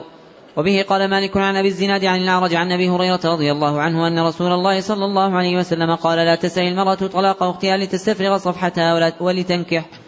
لا تسأل المرأة طلاق أختها لتستفرغ صفحتها ولتنكح. فإنما لها فإنما لها ما قدر لها. وبه قال مالك عن يزيد بن زياد عن محمد بن كعب القرظي قال قال معاوية بن أبي سفيان رضي الله عنه وهو على المنبر أيها الناس إنه لا مانع لما أعطى الله ولا معطي لما منع ولا ينفع ذا الجد منه الجد. من يريد الله به خيرا يفقهه في الدين. ثم قال سمعت هؤلاء الكلمات من رسول الله صلى الله عليه وسلم على هذه الأعواد. قوله رحمه الله عن يزيد بن زياد تقدم أن ما كان من هذا الرسم في الموطأ فهو بالياء التحتانية والزاء المعجمة وليس فيه شيء بالباء الموحدة والراء المهملة. بريد. نعم. أحسن الله إليكم. وبه قال مالك أنه بلغه أنه كان يقول أنه كان يقال الحمد لله الذي خلق كل شيء كما ينبغي الذي لا يعجل شيء أناه وقدره حسبي الله وكفى سمع الله لمن دعا ليس وراء الله مرمى. وبه قال مالك أنه بلغه أنه يقال إن أين أنه يقال إن أحدا لن يموت حتى يستكمل رزقه فأجملوا في الطلب. حسن الخلق. ما جاء في حسن الخلق. وبه قال مالك أن معاذ بن جبل قال آخر ما أوصاني به رسول الله صلى الله عليه وسلم حين وضعت رجلي في الغرز أن قال أحسن خلقك للناس معاذ بن جبل. أحسن خلقك, خلقك للناس معاذ بن جبل. وبه قال مالك عن ابن شهاب عروة بن الزبير عن عائشة زوج النبي صلى الله عليه وسلم أنها قالت ما خير رسول الله صلى الله صححوها. معاذ بن جبل. نعم. أحسن الله إليكم. وبه قال مالك عن ابن شهاب عن عروة بن الزبير عن عائشة رضي الله عنها زوج النبي صلى الله عليه وسلم أنها قالت ما خير رسول الله صلى الله عليه وسلم في أمرين قط إلا أخذ أيسرهما ما لم يكن إثما فإن كان إثما كان أبعد الناس منه. وما انتقم رسول الله صلى الله عليه وسلم لنفسه إلا أن تنتهك حرمة الله فينتقم لله بها. وبه قال مالك عن شهاب عن علي بن حسين بن علي بن أبي طالب إن رسول الله صلى الله عليه وسلم قال من حسن إسلام المرء تركه ما لا يعنيه. وبه قال مالك أنه بلغه عن عائشة رضي الله عنها زوج النبي صلى الله عليه وسلم أنها قالت استأذن رجل على رسول الله صلى الله عليه وسلم قالت عائشة وأنا معه في البيت فقال رسول الله صلى الله عليه وسلم بئس ابن العشيرة ثم أذن له قالت عائشة رضي الله عنها فلما انشب سمعت ضحك رسول الله صلى الله عليه وسلم معه فلما خرج الرجل قلت يا رسول الله قلت فيما قلت؟ ثم لم تنشب أن ضحكت معه فقال رسول الله صلى الله عليه وسلم إن من شر الناس من اتقاه الناس لشره وبه قال مالك عن عمه أبي سهيل بن مالك عن أبيه عن كعب الأحبار أنه قال إذا أحببت من تعلم ما للعبد عند ربه فانظروا ماذا يتبعه من حسن الثناء. وبه قال مالك عن يحيى بن سعيد أنه قال بلغني أن المرء لا يدرك بحسن خلقه درجة القائم بالليل الظامي, بالهواجر. وبه قال مالك عن يحيى بن سعيد أنه قال سمعت سعيد بن المسيب يقول ولا أخبركم بخير من كثير من الصلاة والصدقة. قالوا بلى. قال صلح ذات البين وإياكم والبغضة فإنها, فإنها هي الحالقة. وبه قال مالك أنه بلغه أن رسول الله صلى الله عليه وسلم قال بعثت ليتمم حسن الأخلاق. ما جاء في الحياء. وبه قال مالك عن سلمة بن صفوان بن سلمة الزرقي عن زيد بن طلحة بن ركانة يرفعه إلى النبي صلى الله عليه وسلم قال قال رسول الله صلى الله عليه وسلم لكل دين خلق وخلق الإسلام الحياء. وبه قال مالك عن ابن شهاب عن سالم بن عبد الله عن عبد الله بن عمر رضي الله عنهما أن رسول الله صلى الله عليه وسلم مر على رجل وهو يعظ أخاه في الحياء. فقال رسول الله صلى الله عليه وسلم دعه فإن الحياء من الإيمان. ما جاء في الغضب. وبه قال مالك عن ابن شهاب بن حميد بن عبد الرحمن بن عوف أن رجلا أتى إلى رسول الله صلى الله عليه وسلم فقال يا رسول الله علمني كلمات أعيش بهن ولا تكثر علي فأنسى. فقال رسول الله صلى الله عليه وسلم لا تغضب. وبه قال مالك عن ابن شهاب عن سعيد بن المسيب عن أبي هريرة رضي الله عنه أن رسول الله صلى الله عليه وسلم قال ليس الشديد بالسرعة إنما الشديد الذي يملك نفسه عند الغضب. ما جاء في المهاجرة وبه قال مالك عن ابن شهاب عن عطاء بن يزيد الليثي عن أبي أيوب الأنصاري رضي الله عنه أن رسول الله صلى الله عليه وسلم قال: لا يحل للمسلم إن يهاجر أخاه فوق ثلاث ليال يلتقيان فيعرض هذا ويعرض هذا وخيرهما الذي يبدأ بالسلام. وبه قال مالك عن ابن شهاب عن أنس مالك رضي الله عنه أن رسول الله صلى الله عليه وسلم قال: لا تباغضوا ولا تحاسدوا ولا تدابروا وكونوا عباد الله إخوانا ولا يحل لمسلم أن يهاجر أخاه فوق ثلاث ليال قال مالك لا أحسب التدابر إلا الإعراض عن أخيك المسلم فت... إلا, إلا الإعراض عن أخيك المسلم فتدبر عنه بوجهك. وبه قال مالك عن أبي الزناد عن الأعرج عن أبي هريرة رضي الله عنه أن رسول الله صلى الله عليه وسلم قال إياكم والظن فإن الظن أكذب الحديث. ولا تحسسوا ولا تجسسوا ولا تنافسوا ولا تحاسدوا ولا تباغضوا ولا تدابروا وكونوا عباد الله إخوانا. وبه قال مالك عن عطاء بن عبد الله الخرساني قال قال رسول الله صلى الله عليه وسلم تصافحوا يذهب الغل وتهادوا وتهادوا تحابوا وتهادوا تحابوا وتذهب الشحناء وبه قال مالك عن سعيد بن أبي صالح عن أبيه عن أبي هريرة رضي الله عنه أن رسول الله صلى الله عليه وسلم قال تفتح أبواب الجنة يوم الاثنين ويوم الخميس فيغفر لكل عبد مسلم لا يشرك بالله شيئا إلا رجل كانت بينه وبين أخيه شحناء فيقال أنظروا هذين حتى يصطلحا أنظروا هذين حتى يصطلحا. وبه قال مالك عن مسلم بن أبي مريم عن أبي صالح السمان عن أبي هريرة رضي الله عنه أنه قال تعرض أعمال الناس كل جمعة مرتين يوم الاثنين ويوم الخميس فيغفر, فيغفر لكل عبد مؤمن إلا عبدا كانت بينه وبين أخيه شحنا. فيقال اتركوا هذين حتى يفيئا أو أركوا هذين حتى يفيئا. ما جاء في لبس الثياب للجمال بها. وبه قال مالك عن زيد بن أسلم عن جابر بن عبد الله رضي عن جابر بن عبد الله الأنصاري رضي الله عنهما أنه قال خرجنا مع رسول الله صلى الله عليه وسلم في غزوة بني أنمار قال جابر فبين فبين أنا نازل تحت شجرة إذا رسول الله صلى الله عليه وسلم قال فقلت يا رسول إذا رسول الله صلى الله عليه وسلم قال فقلت يا رسول الله هلم إلى الظل. قال فنزل رسول الله صلى الله عليه وسلم فقمت إلى غرارة لنا فالتمست فيها فوجدت جر قثاء فكسرته ثم قربته إلى رسول الله صلى الله عليه وسلم فقال من أين لكم هذا؟ فقلت خرجنا به يا رسول الله من المدينة. قال جابر رضي الله عنه عندنا صاحب لنا نجهزه يذهب يرعى ظهرنا. قال فجهزته ثم أدبر يذهب في الظهر وعليه بردان له قد قد خلقا. قال فنظر رسول الله صلى الله عليه وسلم إليه فقال أما له ثوبان غير هذين؟ فقلت بلى يا رسول الله له ثوبان في العيبة كسوته إياهما. قال فادعوه فمره قال فادعوه فمره فليلبسهما. قال فدعوته فلبسهما ثم ولى يذهب. قال فقال رسول الله صلى الله عليه وسلم ما له ضرب الله عنقه وليس هذا خيرا. قال فسمعه الرجل فقال يا رسول الله في سبيل الله. فقال رسول الله صلى الله عليه وسلم في سبيل الله. قال فقتل الرجل في سبيل الله. وبه قال مالك أنه بلغه أن عمر بن الخطاب رضي الله عنه قال إني لا أحب أن أنظر إلى القارئ أبيض الثياب. وبه قال مالك عن أيوب بن أبي تميمة عن ابن سيرين قال قال عمر بن الخطاب رضي الله عنه إذا أوسع الله عليكم فأوسعوا على أنفسكم جمع رجل عليه ثيابه. ما جاء في لبس الثياب المصبغة والذهب. وبه قال مالك عن نافع أن عبد الله بن عمر رضي الله عنهما كان يلبس الثوب المصبوغ بالمشق والمصبوغ بالزعفران.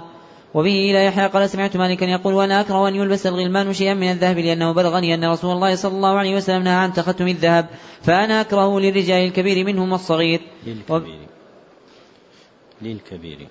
فأنا أكرهه للرجال للكبير منهم والصغير. وبه إلى يحيى قال وسمعت مالكا يقول في الملاحف المعصفرة في البيوت للرجال وفي الأفنية قال لا أعلم من ذلك شيئا حراما وغير ذلك من اللباس أحب إلي. ما جاء في لبس الخز. وبه قال مالك عن شيخ بن عروة عن أبي عن عائشة رضي الله عنها زوج النبي صلى الله عليه وسلم أنها كست عبد الله بن الزبير مطرف خز كانت عائشة رضي الله عنها تلبسه. ما يكره للنساء لباسه من الثياب. وبه قال مالك عن قمة بن أبي علقمة عن أمه أنها قالت دخلت حفصة بنت عبد الرحمن على عائشة رضي الله عنها زوج النبي صلى الله عليه وسلم. وعلى حفصة رضي الله عنها خمار رقيق فشقته عائشة وكستها خمارا كثيفا. قوله رحمه الله ما يكره للنساء تقدم من أن من أمهات التراجم عند الإمام مالك قوله ما يكره من كذا وكذا وأنه أوردها نعم. يا أخي. لا. أحسنت. إحدى عشرة مرة. نعم. أحسن الله إليكم. وبه قال مالك عن مسلم بن أبي إبراهيم عن أبي صالح عن أبي هريرة رضي الله عنه أنه قال نساء وبه قال مالك.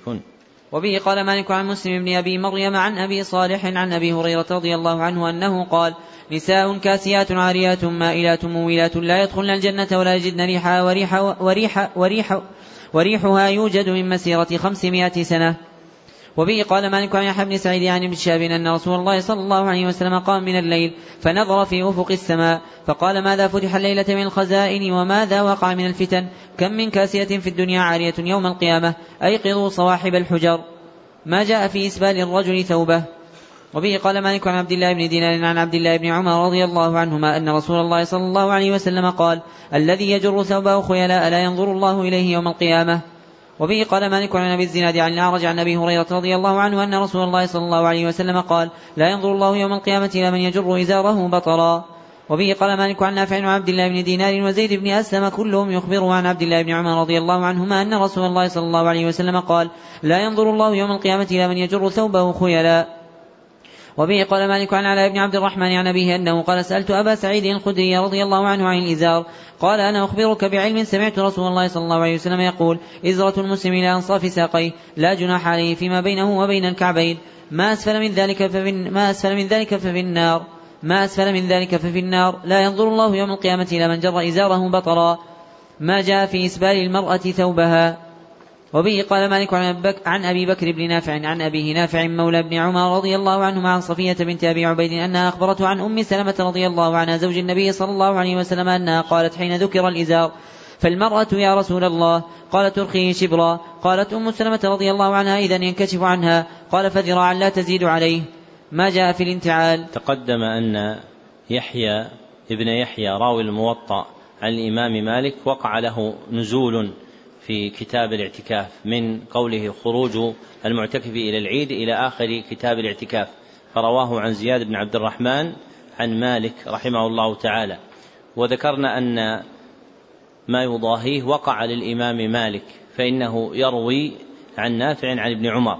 ونزل في عدة أحاديث رواها عن أبي بكر ابن نافع عن أبيه نافع وهو من شيوخ مالك بإسناده وهي أحاديث لا تجاوز الخمسة. نعم. أحسن الله إليكم. ما جاء في الانتعال وبه قال مالك عن أبي الزناد عن الاعرج عن أبي هريرة رضي الله عنه أن رسول الله صلى الله عليه وسلم قال لا يمشين أحدكم في نعل واحدة لينعلهما جميعا أو ليحفيهما جميعا. وبه قال مالك عن أبي الزناد عن اعرج عن أبي هريرة رضي الله عنه أن رسول الله صلى الله عليه وسلم قال إذا انتعل أحدكم فليبدأ باليمين وإذا نزع فليبدأ بالشمال. ولتكن اليمنى أولها ولتكن اليمنى أولهما تنعل وآخرهما تنزع, وآخرهما تنزع. وبه قال مالك عن عمه أبي سهيل بن مالك عن أبي عن كعب الأحبار أن رجلا نزع نعليه فقال لما خلعت نعليك؟ لعلك تأولت هذه الآية فاخلع. ثم قال كعب أتدري ما كانتا نعلى موسى؟ قال مالك لا أدري ما أجابه الرجل. قال كعب كانتا من جلد حمار ميت. ما جاء في لبس الثياب. وبه قال مالك عن أبي الزناد عن الأعرج عن أبي هريرة رضي الله عنه أنه قال نهى رسول الله صلى الله عليه وسلم عن لبستين وعن بيعتين عن الملامسة وعن المنابذة وعن أن يحتوي الرجل في ثوب واحد ليس على فرجه منه شيء وعن أن يشتمل الرجل بالثوب الواحد على أحد شقيه. وبه قال مالك عن نافع عن عبد الله بن عمر رضي الله عنهما أن عمر بن الخطاب رضي الله عنه رأى حلة سيرا تباع عند باب المسجد فقال يا رسول الله لو اشتريت هذه الحلة فلبستها يوم الجمعة والوفد إذا قدموا عليك. فقال رسول الله صلى الله عليه وسلم إنما يلبس هذه من لا خلاق له في الآخرة. ثم جاء رسول الله صلى الله عليه وسلم منها حلل فأعطى عمر بن الخطاب رضي الله عنه منها حلة. فقال عمر رضي الله عنه يا رسول الله أكسوتنيها وقد قلت في حلة عطارد ما قلت. فقال رسول الله صلى الله عليه وسلم لم أكسكها لتلبسها. فكساها عمر أخا له. فكساها عمر أخا له مشركا بمكة. وبه قال مالك عن إسحاق بن عبد الله بن أبي طلحة أنه قال قال أنس بن مالك رضي الله عنه رأيت عمر بن الخطاب رضي الله عنه وهو يومئذ أمير المؤمنين وقد رقع بين كتفيه برقاع ثلاث لبد بعضها فوق بعض صفة النبي صلى الله عليه وسلم ما جاء في صفة النبي صلى الله عليه وسلم لا هذا ما يقرأ. صفة النبي صلى الله عليه وسلم. وبه قال مالك عن ربيعة بن أبي عبد الرحمن عن أنس بن مالك رضي الله عنه أنه سمعه يقول كان رسول الله صلى الله عليه وسلم ليس بالطويل البائن ولا بالقصير وليس بالأبيض الأمهق ولا بالآدم ولا بالجعد القطط ولا بالسبط. بعثه الله على رأس أربعين سنة فأقام مكة عشر سنين وبالمدينة عشر سنين وتوفاه الله على رأس وتوفاه الله وتوفاه الله صلى الله عليه وسلم على رأس ستين سنة وليس في رأسه ولحيته عشرون شعرة بيضاء صلى الله عليه وسلم ورحمة الله وبركاته. صفة عيسى بن مريم والدجال. وبه قال مالك عن نافع عن عبد الله بن عمر رضي الله عنهما أن رسول الله صلى الله عليه وسلم قال أراني الليلة عند الكعبة فرأيت رجلا آدم كأحسن ما أنت رائم من أدم الرجال له لمة كأحسن ما أنت رائم من اللمم قد رجلها فهي تقطر ماء متكئا على رجلين أو عواتق رجلين. يطوف بالكعبة فسألت من هذا؟ فقيل هذا المسيح ابن مريم. ثم إذا أنا برجل جعد قطط أعور العين اليمنى كأنها عنبة طافية. فسألت من هذا؟ فقيل هذا المسيح الدجال. ما جاء في السنة في الفطرة؟ وبه قال مالك عن سعيد بن أبي سعيد المقبري عن أبيه عن أبي هريرة رضي الله عنه قال خمس من الفطرة. تقليم الأظفار وقص الشارب ونتف الإبط وحلق العانة والاختتان وبه قال مالك عن يحيى بن سعيد عن سعيد بن المسيب أنه قال كان إبراهيم أول الناس ضيف الضيف وأول الناس اختتن وأول الناس قص شاربه وأول الناس رأى الشيب فقال يا رب ما هذا؟ فقال الله تبارك وتعالى وقار يا إبراهيم. فقال رب زدني وقارا. وبه إلى يحيى قال وسمعت مالكا يقول يؤخذ من الشارب حتى يبدو طرف الشف حتى يبدو طرف الشفة وهو الإطار. ولا يجزه فيمثل فلا ولا يجزه فيمثل بنفسه. النهي عن الأكل بالشمال. قوله رحمه الله النهي عن الأكل بالشمال تقدم أن من أمهات التراجم في موطأ الإمام مالك قوله النهي عن كذا وكذا فإنه أورده في كتابه إحدى وعشرين مرة سوى ما أورده بالأفعال ما ينهى عن كذا وكذا فإنه أوردها أربع أو خمس مرات. نعم. أحسن الله إليكم وبه قال مالك عن أبي الزبير المكي عن جابر بن عبد الله السلمي عن جابر بن عبد الله السلمي أن رسول الله صلى الله عليه وسلم نهى عن, عن أن يأكل الرجل بشماله أو يمشي في نعل واحدة وأن يشتمل الصماء وأن يحتبي في ثوب واحد كاشفا عن فرجه وبه قال مالك عن ابن شهاب عن أبي بكر بن عبيد الله بن عبد الله بن عمر عن ابن عمر رضي الله عنهما أن رسول الله صلى الله عليه وسلم قال: إذا أكل أحدكم فليأكل بيمينه وليشرب بيمينه فإن الشيطان يأكل بشماله ويشرب بشماله. ما جاء في المساكين وبه قال مالك عن أبي الزناد عن أعرج عن أبي هريرة رضي الله عنه أن رسول الله صلى الله عليه وسلم قال: ليس المسكين بهذا الطواف الذي يطوف على الناس فترده اللقمة واللقمتان والتمرة والتمرتان، قالوا فما المسكين يا رسول الله؟ قال الذي لا يجد غنى يغنيه ولا يفطر الناس له فيتصدق فيتصدق عليه ولا يقوم فيسأل الناس. وبه قال مالك عن زيد بن أسلم عن ابن بجيد الأنصاري ثم الحارثي عن جدته أن رسول الله صلى الله عليه وسلم قال ردوا المسكين ولو بظلف محرق ما جاء في ميع الكافر. وبه قال مالك عن أبي الزناد عن الأعرج عن أبي هريرة رضي الله عنه ان أن قال قال رسول الله صلى الله عليه وسلم يأكل المسلم في ميع واحد والكافر يأكل في سبعة أمعاء. وبه قال مالك عن سعيد بن أبي صالح عن أبي عن أبي هريرة رضي الله عنه أن رسول الله صلى الله عليه وسلم ضافه ضيف كافر فأمر له رسول الله صلى الله عليه وسلم بشاة فحلبت فشرب حلابها ثم أخرى فشربه ثم أخرى فشربه حتى شرب حلاب سبع شياه. ثم إنه أصبح فأسلم فأمر له رسول الله صلى الله عليه وسلم بشاة فحلبت فشرب حلابا ثم أمر له بأخرى فلم يستتمها. فقال رسول الله صلى الله عليه وسلم المؤمن يشرب في معا واحد والكافر يشرب في سبعة أمعاء. النهي عن الشرب في آنية الفضة والنفخ في الشراب. وبه قال مالك عن نافع عن زيد بن عبد الله بن عمر بن الخطاب عن عبد الله بن عبد الرحمن بن أبي بكر الصديق عن أم سلمة رضي الله عنها زوج النبي صلى الله عليه وسلم أن رسول الله صلى الله عليه وسلم قال الذي يشرب في آنية الفضة إنما يجرجر في بطنه نار جهنم. وبه قال مالك عن أيوب بن حبيب مولى سعد بن أبي وقاص عن أبي المثنى الجهني أنه قال كنت عند مروان بن الحكم فدخل عليه أبو سعيد الخدري رضي الله عنه. فقال له مروان بن الحكم يا سمعت من رسول الله صلى الله عليه وسلم أنه نهى عن النفخ في الشراب؟ فقال له أبو سعيد نعم. فقال له رجل يا رسول الله إني لا أروى من نفس واحد. فقال له رسول الله صلى الله عليه وسلم فأبني القدح عن فيك ثم تنفس. قال فإني أرى القذاة فيه. قال فأهرقها. ما جاء في شرب الرجل وهو قائم. وبه قال مالك إنه بلغه ان عمر بن الخطاب وعلي بن أبي طالب رضي الله, رضي الله عنهما وعثمان بن عفان رضي الله عنه كانوا يشربون قياما. وبه قال مالك عن ابن شهاب أن عائشة رضي الله عنها أم المؤمنين وسعد بن أبي وقاص رضي الله عنه كان لا يريان بشرب الإنسان وهو قائم بأسا. وبه قال مالك عن أبي جعفر القاري أنه قال رأيت عبد رأيت عبد الله بن عمر رضي الله عنهما يشرب قائما. ليس القاري القارئ.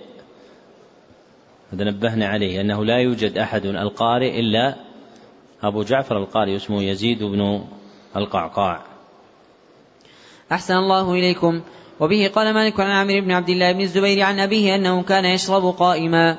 السنة في الشرب ومناولته عن اليمين. وبه قال مالك عن ابن شهاب عن أنس بن مالك رضي الله عنه. رحمه الله السنة في الشرب هذه أول ترجمة في الموطأ يبتدئها بقوله السنة في كذا. وليس له في الموطأ إلا موضعان. أحدهما هذا السنة في الشرب والآخر يأتي السنة في الشعر. نعم. أحسن الله إليكم. وبه قال مالك عن ابن شهاب عن أنس بن مالك رضي الله عنه أن رسول الله صلى الله عليه وسلم اوتي بلبن قد شيب بماء وعن يمينه اعرابي وعن يساره أبو بكر الصديق فشرب ثم أعطى الاعرابي وقال الأيمن فالأيمن. وبه قال مالك عن أبي حازم بن دينار عن سالم بن سعد الأنصاري أن رسول الله صلى الله عليه وسلم أوتي بشراب فشرب منه عن يمينه غلاب وعن يساره الأشياخ. فقال للغلام أتأذن لي أن أعطي هؤلاء؟ فقال لا والله يا رسول الله لا أوثر بنصيبي منك أحدا. قال فتله رسول الله صلى الله عليه وسلم في يده. جامع ما جاء في الطعام والشراب. وبه قال مالك عن إسحاق بن عبد الله بن أبي طلحة أنه سمع أنس بن مالك رضي الله عنه يقول قال أبو طلحة لأم سليم لقد سمعت صوت رسول الله صلى الله عليه وسلم ضعيفا أعرف فيه الجوع فهل عندك من شيء؟ فقالت نعم فأخرجت أقراصا من شعير ثم أخذت خمارا لها ثم لفت الخبز ببعضه ثم دسته تحت يدي وردتني ببعضه ثم أرسلتني إلى رسول الله صلى الله عليه وسلم. قال فذهبت به فوجدت رسول الله صلى الله عليه وسلم جالسا في المسجد ومعه الناس فقمت عليهم فقال رسول الله صلى الله عليه وسلم أرسلك أبو طلحة. قال فقلت نعم فقال لطعام قال قلت نعم فقال رسول الله صلى الله عليه وسلم لمن معه قوموا. قال فانطلق وانطلقت بين أيديهم حتى جئت أبا طلحة فأخبرته. فقال أبو طلحة يا أم سليم قد جاء رسول الله قد جاء رسول الله صلى الله عليه وسلم بالناس وليس عندنا من الطعام ما نطعمهم. فقالت الله فقالت الله ورسوله أعلم. قال فانطلق أبو طلحة حتى لقي رسول الله صلى الله عليه وسلم فأقبل رسول الله صلى الله عليه وسلم وأبو طلحة معه حتى دخل فقال رسول الله صلى الله عليه وسلم هلمي يا أم سليم ما عندك؟ فأتت بذلك الخبز فأمر به ففت وعصرت عليه أم سليم عكة لها فأدمت. ثم قال رسول الله صلى الله عليه وسلم ما شاء الله أن يقول. ثم قال أذن لعشرة فأذن لهم فأكلوا حتى شبعوا ثم خرجوا. ثم قال أذن لعشرة فأذن لهم فأكلوا حتى شبعوا ثم خرجوا. ثم قال أذن لعشرة فأذن لهم فأكلوا حتى شبعوا ثم خرجوا. ثم قال أذن لعشرة فأذن لهم فأكلوا حتى شبعوا ثم خرجوا. ثم قال أذن لعشرة حتى أكل القوم كلهم وشبعوا. والقوم سبعون رجلا أو ثمانون رجلا. وبه قال مالك عن أبي الزناد عن عرج عن أبي هريرة رضي الله عنه أن رسول الله صلى الله عليه وسلم قال طعام الاثنين كافي الثلاثة و... طعام الاثنين كافي الثلاثة وطعام الثلاثة كافي الأربعة. وبه قال مالك عن أبي الزبير المكي عن جابر بن عبد الله رضي الله عنهما أن رسول الله صلى الله عليه وسلم قال اغلقوا الباب واوكوا السقاء واكفئوا الإناء أو خمروا الإناء واطفئوا واطفئوا المصباح. فإن الشيطان لا يفتح غلقا ولا يحل وكاء ولا يكشف إناء وإن الفويسقة تضرم على الناس بيتهم. وبه قال مالك عن سعيد بن أبي سعيد المقبري عن أبي شريح الكعبي أن رسول الله صلى الله عليه وسلم قال: من كان يؤمن بالله واليوم الآخر فليقل خيرا أو ليصمت، ومن كان يؤمن بالله واليوم الآخر فليكرم جاره، ومن كان يؤمن بالله واليوم الآخر فليكرم ضيفه، جائزته يوم وليلة، وضيافته ثلاثة أيام فما كان بعد ذلك فهو صدقة، ولا يحل له أن يثوي عنده حتى يحرجه. وبه قال مالك عن سمي مولى أبي بكر عن أبي صالح السمان عن أبي هريرة رضي الله عنه أن رسول الله صلى الله عليه وسلم قال: بينما رجل يمشي بطريق إذا اشتد عليه العطش فوجد بئرا فنزل فيها فشرب وخرج فإذا كلب يلهث يأكل الثرى من العطش فقال الرجل: لقد بلغ هذا الكلب من العطش مثل الذي بلغ مني فنزل البئر فملأ خفه ثم أمسكه بفيه حتى رقي فسقى, فسقى الكلب فشكر الله له فغفر له فقالوا يا رسول الله وإن لنا في البهائم لأجرا فقال في كل ذي كبد رطبة أجر وبه قال مالك عن وهب بن كيسان عن جابر بن عبد الله رضي الله عنهما أنه قال: بعث رسول الله صلى الله عليه وسلم بعثا قبل الساحل فأمر عليهم أبا عبيدة بن الجراح رضي الله عنه وهم ثلاثمائة. قال وأنا فيهم. قال فخرجنا حتى إذا كنا ببعض الطريق فني الزاد فأمر أبو عبيدة رضي الله عنه بازواج تلك الجيش فجمع ذلك كله. فكان مزودي فكان مزودي تمر. قال فكان يقوتنا قال فكان يقوتناه كل يوم قليلا قليلا. حتى فني ولم تصبنا إلا تمرة تمرة. فقلت وما تغني تمرة؟ فقال لقد وجدنا فقدها حيث فنيت. قال ثم انتهينا إلى البحر فإذا حوت مثل الضرب فأكل منه ذلك الجيش ثماني عشرة ليلة, ليلة ثم أمر أبو عبيدة رضي الله عنه بضلعين من أضلاعه فنصبا. ثم أمر براحلة فرحلت ثم مرت تحتهما ولم تصبهما. قال مالك الضرب الجبيل الصغير.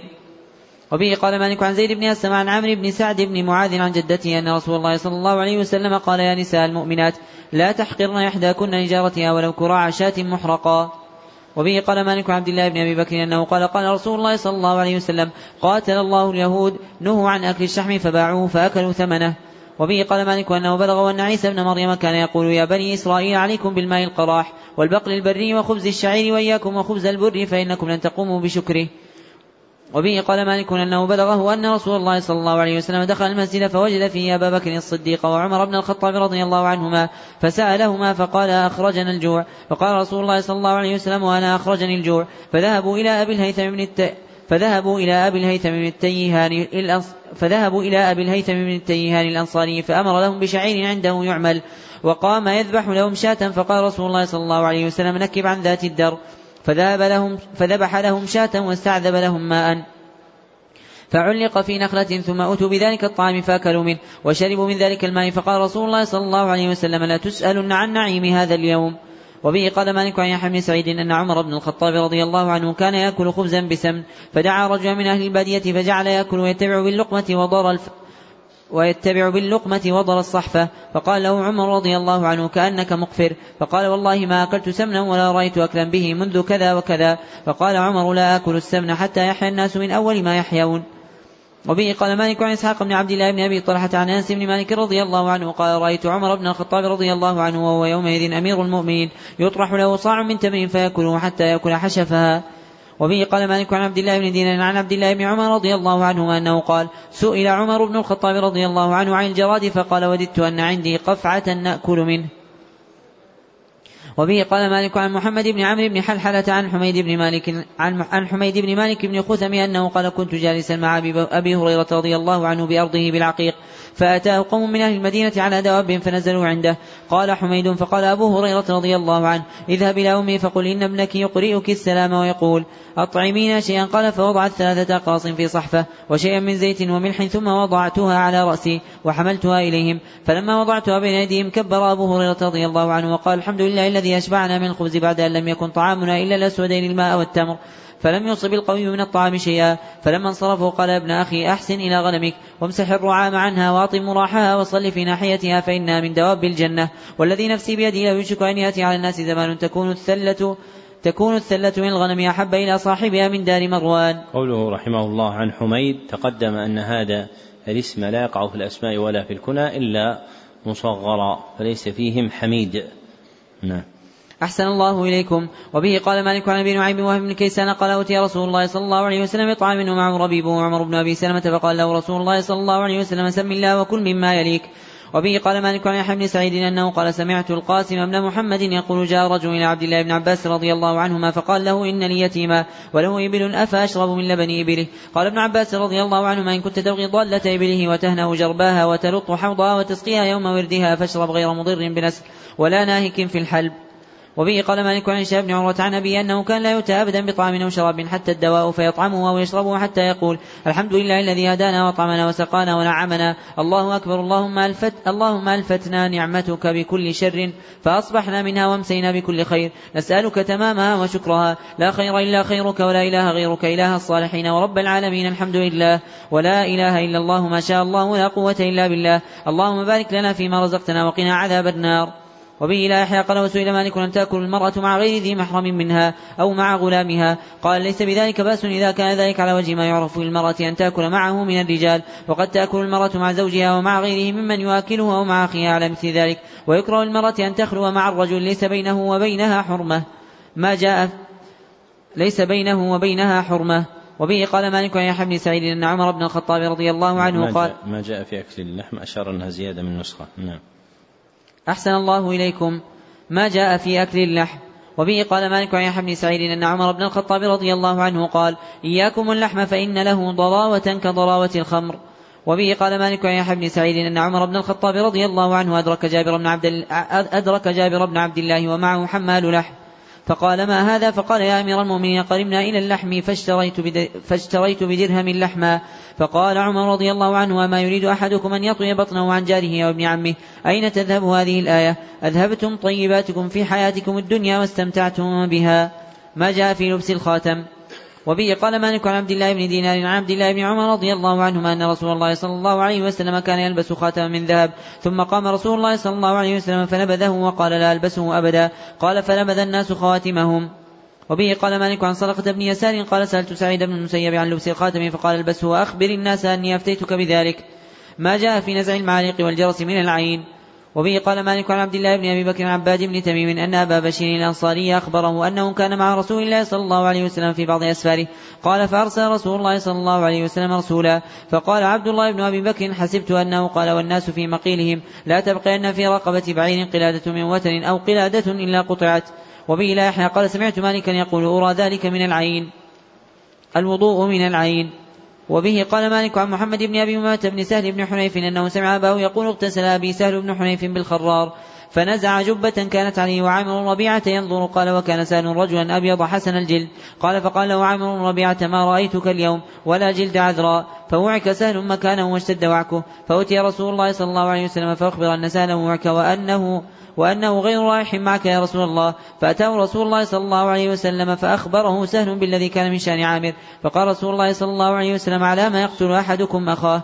ألا برك ألا, ألا بركت إن العين حق توضأ له فتوضأ له عامر فراح سهل مع رسول الله صلى الله عليه وسلم ليس به بأس. وبه قال مالك عن ابن شهاب عن, أبي أمامة بن سهل بن حنيف أنه قال رأى عامر بن ربيعة سهل بن حنيف يغتسل فقال ما رأيتك اليوم ولا جلد مخبات؟ فلبط بسهل فأتي رسول الله صلى الله عليه وسلم فقيل يا رسول الله هل لك في سهل بن حنيف؟ والله ما يرفع رأسه. فقال هل تتهمون به أحدا؟ قال نتهم عامر بن ربيعة قال فدعا رسول الله صلى الله عليه وسلم عامرا فتغيظ عليه وقال على ما يقتل أحدكم أخاه. ألا برك تغتسل له؟ فغسل عامر وجهه ويديه ومرفقيه وركبتيه وأطراف رجليه وداخلة إزاره في قدح ثم صب عليه فراح سهل مع الناس ليس به بأس. الرقية من العين. وبه قال مالك عن حميد بن قيس المكي أنه قال دخل على رسول الله صلى الله عليه وسلم بابن جعفر بن أبي طالب فقال لحاضنتهما ما لي أراهما ضارعين؟ فقالت حاضنتهما يا رسول الله إنه تس إنه تسرع إليهما العين ولم يمنعنا أن نسترقي لهما إلا أننا لا ندري ما يوافقك من ذلك. فقال رسول الله صلى الله عليه وسلم استرقوا لهما فإنه لو سبق شيء القدر لسبقته العين. وبه قال مالك عن يحيى بن سعيد عن سليمان بن يسار أن عروة بن الزبير حدثه أن رسول الله صلى الله عليه وسلم دخل بيت أم سلمة رضي الله عنها زوج النبي صلى الله عليه وسلم وفي البيت صبي يبكي فذكروا له فذكروا أن به العين. قال عروة فقال قال عروة فقال رسول الله صلى الله عليه وسلم ألا تسترقون له من العين؟ الحديث السابق إنه تسرع إليهما العين. تسرع. نعم. أحسن الله إليكم ما جاء في أجر المريض. وبه قال مالك عن زيد بن أسلم عن عطاء بن يسار أن رسول الله صلى الله عليه وسلم قال إذا مرض العبد بعث الله تبارك وتعالى إليه ملكين. فقال انظر ماذا يقول لعواد. فقال انظروا ماذا يقول لعواده فإن هو إذا جاءوه حمد الله وأثنى عليه رفع ذلك إلى الله وهو أعلم فيقول لعبدي علي إن توفيته أن أدخله الجنة وإن أنا شفيته أن أبدله لحما خيرا من لحمه ودما خيرا من دمه وأن أكفر عنه سيئاته. وبه قال مالك عن يزيد بن خصيفة عن عروة بن الزبير أنه قال سمعت عائشة رضي الله عنها زوج النبي صلى الله عليه وسلم تقول قال رسول الله صلى الله عليه وسلم لا يصيب المؤمن من مصيبة حتى الشوكة إلا قص بها أو كفر بها من خطاياه لا يدري يزيد أيهما قال عروة. وبه قال مالك عن محمد بن عبد الله عن محمد بن عبد الله بن أبي صعصعة أنه قال سمعت أبا الحباب سعيد بن يسار يقول سمعت أبا هريرة رضي الله عنه يقول قال رسول الله صلى الله عليه وسلم يريد الله به خيرا يصب منه. وبه قال مالك عن يحيى بن سعيد أن رجلا جاءه الموت في زمان رسول الله صلى الله عليه وسلم فقال رجل هنيئا له مات ولم يبتل ولم يبتل بمرض. فقال رسول الله صلى الله عليه وسلم ويحك وما يدريك لو, لو أن الله ابتلاه بمرض يكفر به من سيئاته. التعوذ والرقية في المرض. وبه قال مالك عن يزيد بن خصيفة أن عمرو بن عبد الله بن كعب السلمي أخبره أن نافع بن جبير أخبره عن عثمان بن أبي العاص أنه أتى رسول الله صلى الله عليه وسلم. قال عثمان وبي وجع قد كاد يهلكني. قال فقال رسول الله صلى الله عليه وسلم سح بيمينك سبع مرات وقل أعوذ بعزة الله وقدرته من شر ما أجد. قال فقلت ذلك فأذهب الله ما كان بي فلم أزل آمر بها أهلي وغيرهم. قوله أن عمرو بن عبد الله بن كعب السلمي به تنخرم القاعدة السابقة أو به تعرفون فائدة هذه القواعد وهو الصواب. تعرفون فائدة هذه القواعد؟ نحن قلنا أنه ليس فيه السلمي فيكون هذا السلمي. هذا ابن من؟ ابن كعب بن مالك الأنصاري السلمي. هذا خطأ صححه هذه فائدة القواعد أنها أنه لا يوجد في الموطأ السلمي وإنما فيه السلمي. فيكون هذا الموضع غلطا وهو عمرو بن عبد الله بن كعب بن مالك الأنصاري السلمي. نعم.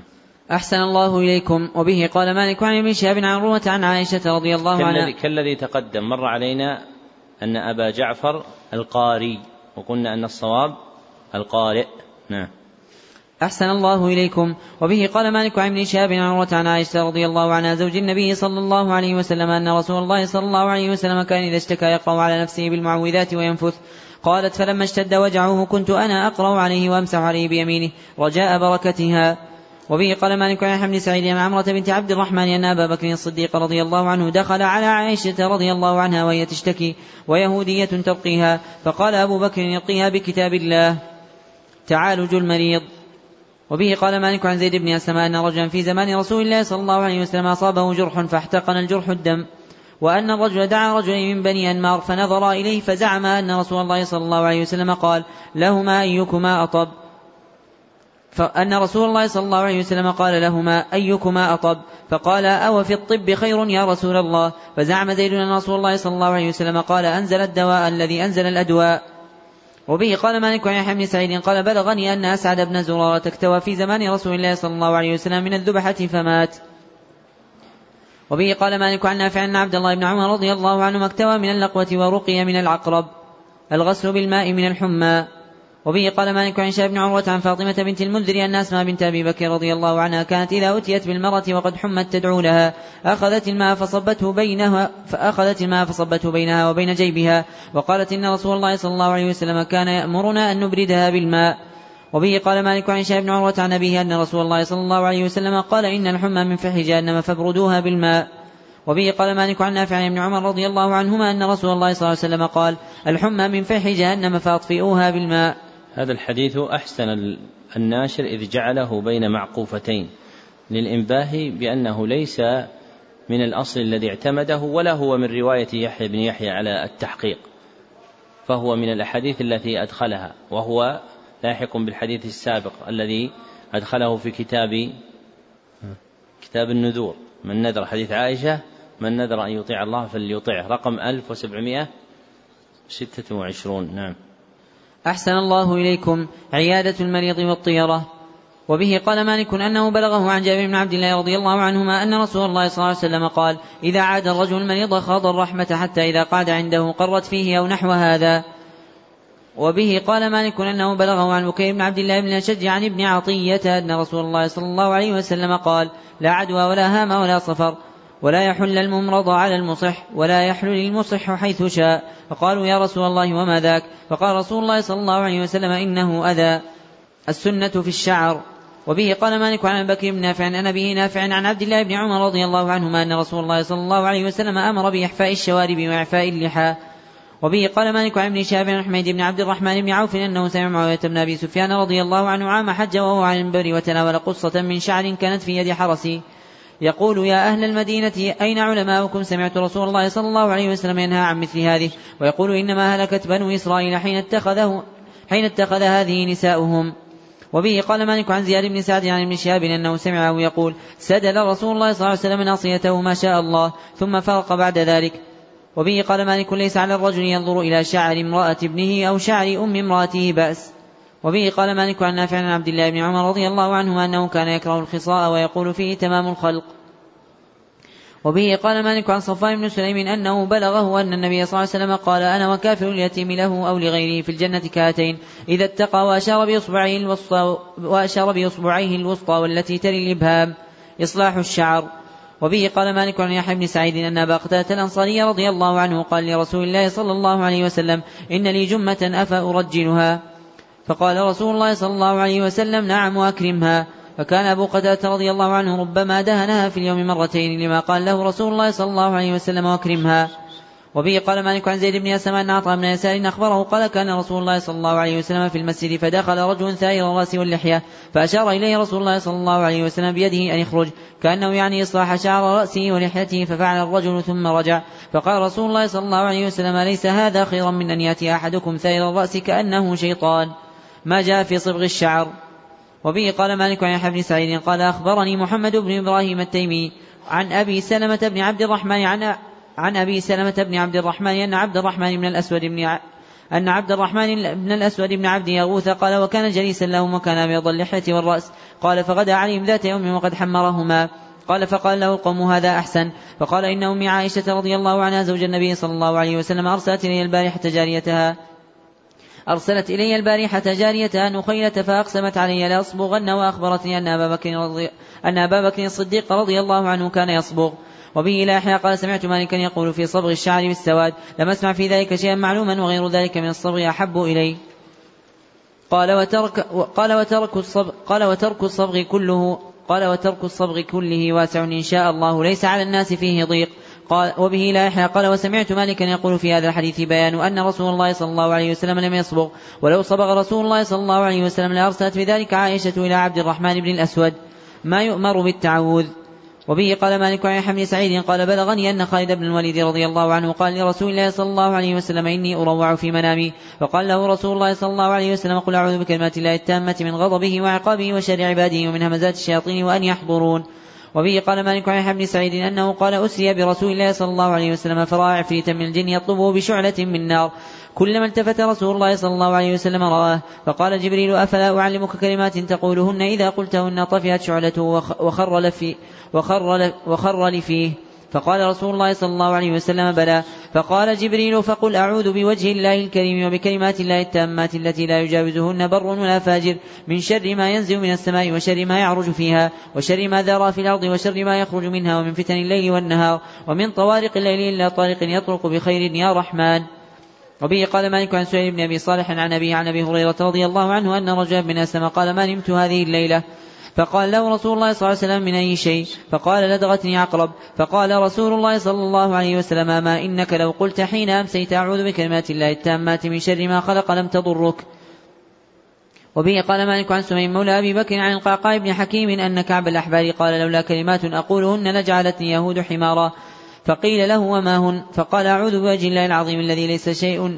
الذي ليس شيء أعظم منه وبكلمات الله التامات التي لا يجاوزهن بر ولا فاجر وبأسماء الله الحسنى كلها ما علمت منها وما لم أعلم من شر ما خلق وبرأ وذرأ ما جاء في المتحابين في الله عز وجل وبه قال مالك عن عبد الله بن عبد الرحمن بن معمر عن أبي الحباب سعيد بن يسار عن أبي هريرة رضي الله عنه أنه قال قال رسول الله صلى الله عليه وسلم إن الله تبارك وتعالى يقول يوم القيامة أين المتحابون لجلالي اليوم أظلهم في ظلي يوم لا ظل إلا ظلي.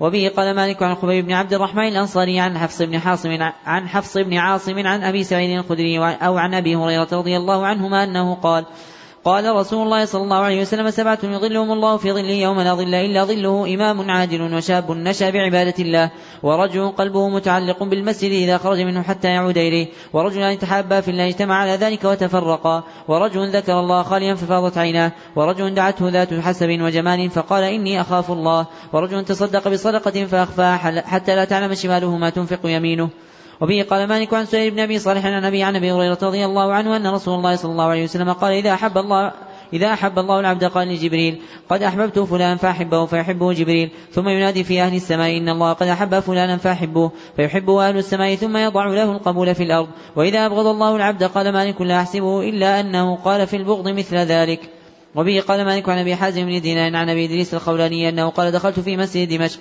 فإذا فتى شاب براق الثنايا وإذا الناس معه إذا اختلفوا في شيء أسندوا إليه وصدروا عن قوله فسألت عنه فقيل هذا معاذ بن جبل فلما كان الغد هجرت فوجدته قد سبقني بالتهجير وجدته يصلي قال فانتظرته حتى قضى صلاته ثم جئته من قبل وجهه فسلمت عليه ثم قلت والله إني لأحبك لله فقال آه الله قال فقلت آه الله فقال آه الله فقلت آه الله قال فأخذ بحبوة رداء فجبذني إليه وقال أبشر. فإني سمعت رسول الله صلى الله عليه وسلم يقول قال الله تبارك وتعالى وجبت محبتي للمتحابين في والمتجالسين في والمتزاورين في والمتبادلين في.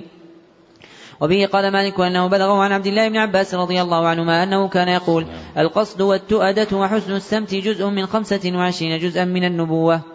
الرؤيا وبه قال مالك عن إسحاق بن عبد الله بن أبي طلحة الأنصاري عن أنس بن مالك رضي الله عنه أن رسول الله صلى الله عليه وسلم قال: الرؤيا الحسنة من الرجل الصالح جزء من ستة وأربعين جزءا من النبوة. وبه قال مالك عن أبي الزناد عن الأعرج عن أبي هريرة رضي الله عنه عن رسول الله صلى الله عليه وسلم مثل ذلك. وبه قال مالك عن إسحاق بن عبد الله بن أبي طلحة عن زفر بن صعصعه بن مالك عن ابي عن أبي هريرة رضي الله عنه أن رسول الله صلى الله عليه وسلم كان إذا انصرف من صلاة الغداة يقول هل رأى أحد منكم الليلة رؤيا؟ ويقول ليس يبقى بعد من النبوة إلا الرؤيا الصالحة.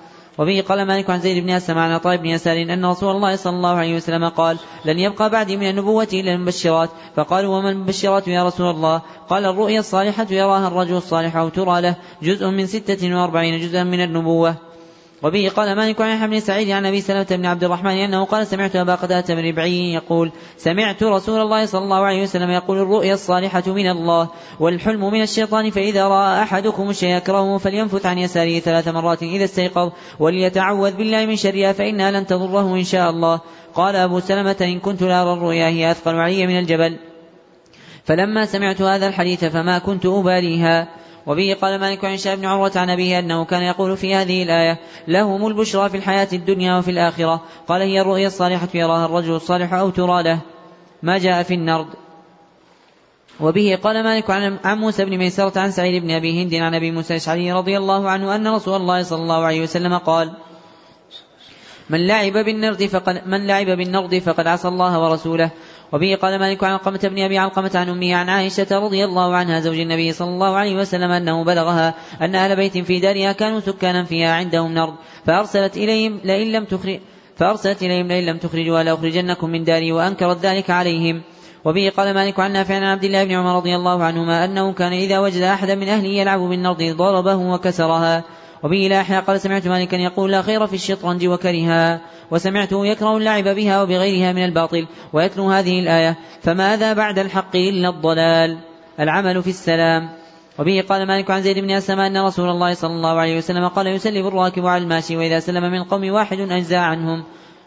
وبه قال مالك عن وهب بن كيسان عن محمد بن عمرو بن عطاء أنه قال كنت جالسا عند عبد الله بن عباس رضي الله عنهما فدخل عليه رجل من أهل اليمن فقال السلام عليكم ورحمة الله وبركاته ثم زاد مع ذلك شيئا أيضا قال ابن عباس رضي الله عنهما وهو يومئذ قد ذهب بصره من هذا قالوا هذا اليماني الذي يغشاك فعرفوه إياه قال فقال ابن عباس رضي الله عنهما إن السلام انتهى إلى البركة وبه لا يحيى قال سئل مالك أن يسلم على المرأة. فقال أما المتجالة فلا أكره ذلك وأما الشابة فلا أحب ذلك.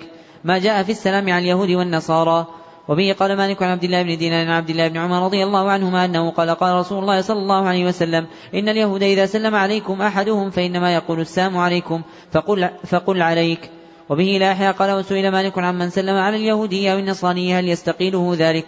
فقال لا. جامع السلام. وبه قال مالك عن إسحاق بن عبد الله بن أبي طلحة عن أبي مرة مولى عقيل بن أبي طالب عن أبي واقد الليثي رضي الله عنه أن رسول الله صلى الله عليه وسلم بينما هو جالس في المسجد والناس معه إذا أقبل نفر ثلاثة فأقبل اثنان إلى رسول الله صلى الله عليه وسلم وذهب واحد فلما وقف على رسول الله صلى الله عليه وسلم سلم فأما أحدهما فرأى فرجة في الحلقة فجلس فيها وأما الآخر فجلس خلفهم وأما الثالث فأدبر ذاهبا فلما فرغ رسول الله صلى الله عليه وسلم قال ألا أخبركم عن النفر الثلاثة؟ أما أحدهم فآوى إلى الله فآواه الله. وأما الآخر فاستحيا فاستحيا الله منه. وأما الآخر فأعرض فأعرض الله عنه.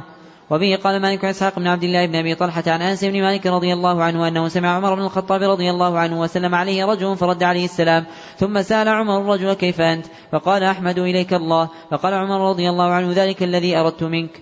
وبه قال مالك عن إسحاق بن عبد الله بن أبي طلحة أن الطفيل بن أن الطفيل بن أبي بن كعب أخبره أنه كان يأتي عبد الله بن عمر رضي الله عنهما فيغدو معه إلى السوق. قال فإذا غدونا إلى السوق لم يمر عبد الله بن عمر رضي الله عنهما على سقاط ولا صاحب بيعة ولا مسكين ولا أحد إلا سلم عليه. سقاط بتشديد القاف. أحسن الله إليكم. قال فإذا غدونا إلى السوق لم يمر عبد الله بن عمر رضي الله عنهما على سقاط ولا صاحب بيعة ولا مسكين ولا أحد إلا سلم عليه. قال الطفيل فجئت عبد الله بن عمر رضي الله عنهما يوما فاستتبعني إلى السوق فقلت له وما تصنع في السوق وأنت لا تقف على البيع ولا تسأل عن السلع ولا تسوم بها ولا تجلس في مجالس السوق قال وأقول اجلس بنا قال وأقول اجلس بنا ها هنا نتحدث قال فقال لي عبد الله بن عمر رضي الله عنهما يا أبا بطن وكان الطفيل ذا بطن إنما نغدو من أجل السلام نسلم على من لقينا وبه قال مالك عن يحيى بن سعيد أن رجلا سلم على نسلم على من لقينا. وبه قال مالك عن يح وبه قال مالك عن يحيى بن سعيد إن رجلا سلم على عبد الله بن عمر رضي الله عنهما فقال السلام عليك ورحمة الله وبركاته والغاديات والرائحات. فقال له عبد الله بن عمر رضي الله عنهما وعليك ألفا ثم كأنه كره ذلك. وبه قال مالك أنه بلغه إذا دخل البيت غير المسكون يقال السلام علينا وعلى عباد الله الصالحين. باب الاستئذان. وبه قال مالك عن صفاء بن سليم عن عطاء بن يسار أن رسول الله صلى الله عليه وسلم سأله رجل فقال يا رسول الله أستأذن على أمي؟ فقال نعم فقال الرجل إني معها في البيت. فقال رسول الله صلى الله عليه وسلم استأذن عليها. فقال الرجل إني خادمها. فقال له رسول الله صلى الله عليه وسلم استأذن عليها. أتحب أن تراها عريانة؟ فقال لا قال لا قال فاستأذن عليها. وبه قال مالك عن الثقة عنده وعن بكير بن عبد الله بن رحمه الله عن صفوان بن سليم ما قاعدة سليم؟ نعم. وليس فيه ليس فيه سليم. مثل من؟ سليم. صفوان. سليم وأم. سليم. ما رأيك يا أخي في كلامه؟ ما رأيك في كلامه؟ صحيح أم غير صحيح؟ جزاك الله خير. نعم. أحسن الله إليكم. وبه قال مالك عن الثقة عنده عن بكير بن عبد الله بن شجع عن مسلم بن سعيد عن أبي سعيد الخدري رضي الله عنه عن أبي موسى الأشعري رضي الله عنه أنه قال قال رسول الله صلى الله عليه وسلم استئذان ثلاث فإن أذن لك فادخل وإلا فارجع. قوله عن الثقة عنده ما البيتان فيه؟ أحسنت. ومالك عن ثقة ذا مبهم ومبهم معدلا لا يحكم بأنه كذاك إلا إن علم تعيينه وحكمه لم ينفصم. نعم. أحسن الله إليكم. وبه قال مالك عن ربيعة بن أبي عبد الرحمن عن غير واحد من علمائهم أن أبا موسى الأشعري رضي الله عنه جاء يستأذن على عمر بن الخطاب رضي الله عنه فاستأذن ثلاثا ثم رجع فأرسل عمر بن الخطاب رضي الله عنه في أثره فقال ما لك لم تدخل؟ فقال أبو موسى رضي الله عنه سمعت رسول الله صلى الله عليه وسلم يقول الاستئذان ثلاث فإن أذن لك فادخل وإلا فارجع. فقال عمر رضي الله عنه ومن يعلم هذا؟ لئن لم تأتني بمن يعلم ذلك لأفعلن بك كذا وكذا. فخرج أبو موسى رضي الله عنه حتى جاء مجلسا في المسجد يقال له مجلس الأنصار فقال إني أخبرت عمر بن الخطاب رضي الله عنه أني سمعت رسول الله صلى الله عليه وسلم يقول الإستئذان ثلاث فإن أذن لك فادخل وإلا فارجع فقال إن لم تأتني بمن يعلم هذا لأفعلن بك كذا وكذا فإن كان سمع ذلك أحد منكم فليقم معي فقالوا لأبي سعيد الخدري رضي الله عنه قم معه وكان أبو سعيد أصغرهم فقام معه فأخبر ذلك عمر بن الخطاب رضي الله عنه فقال عمر لأبي موسى أما إني لم أتهمك ولكني خشيت أن يتقول الناس على رسول الله صلى الله عليه وسلم. التشميت في العطاس. وبه قال مالك عن عبد الله بن أبي بكر عن أبيه أن رسول الله صلى الله عليه وسلم قال إن عطس فشمته ثم إن عطس فشمته ثم إن عطس فشمته ثم إن عطس فقال إن ثم إن عطس فقال إنك مضنوك قال عبد الله بن أبي بكر لا أدري بعد الثالثة أو الأربعة. وبه قال مالك عن نافع أن عبد الله بن عمر رضي الله عنهما كان إذا عطس فقيل له يرحمك الله. قال يرحمنا الله وإياكم ويغفر لنا ولكم. ما جاء في الصور. وبه قال مالك عن إسحاق بن أبي طلحة أن رافع بن إسحاق مولى الشفاء أخبره. قال دخلت أنا وعبد الله بن أبي طلحة على على أبي سعيد الخدري رضي الله عنه نعوده. فقال لنا أبو سعيد رضي الله عنه أخبرنا رسول الله صلى الله عليه وسلم الملائكة لا تدخل بيتا فيه تماثيل أو تصاوير.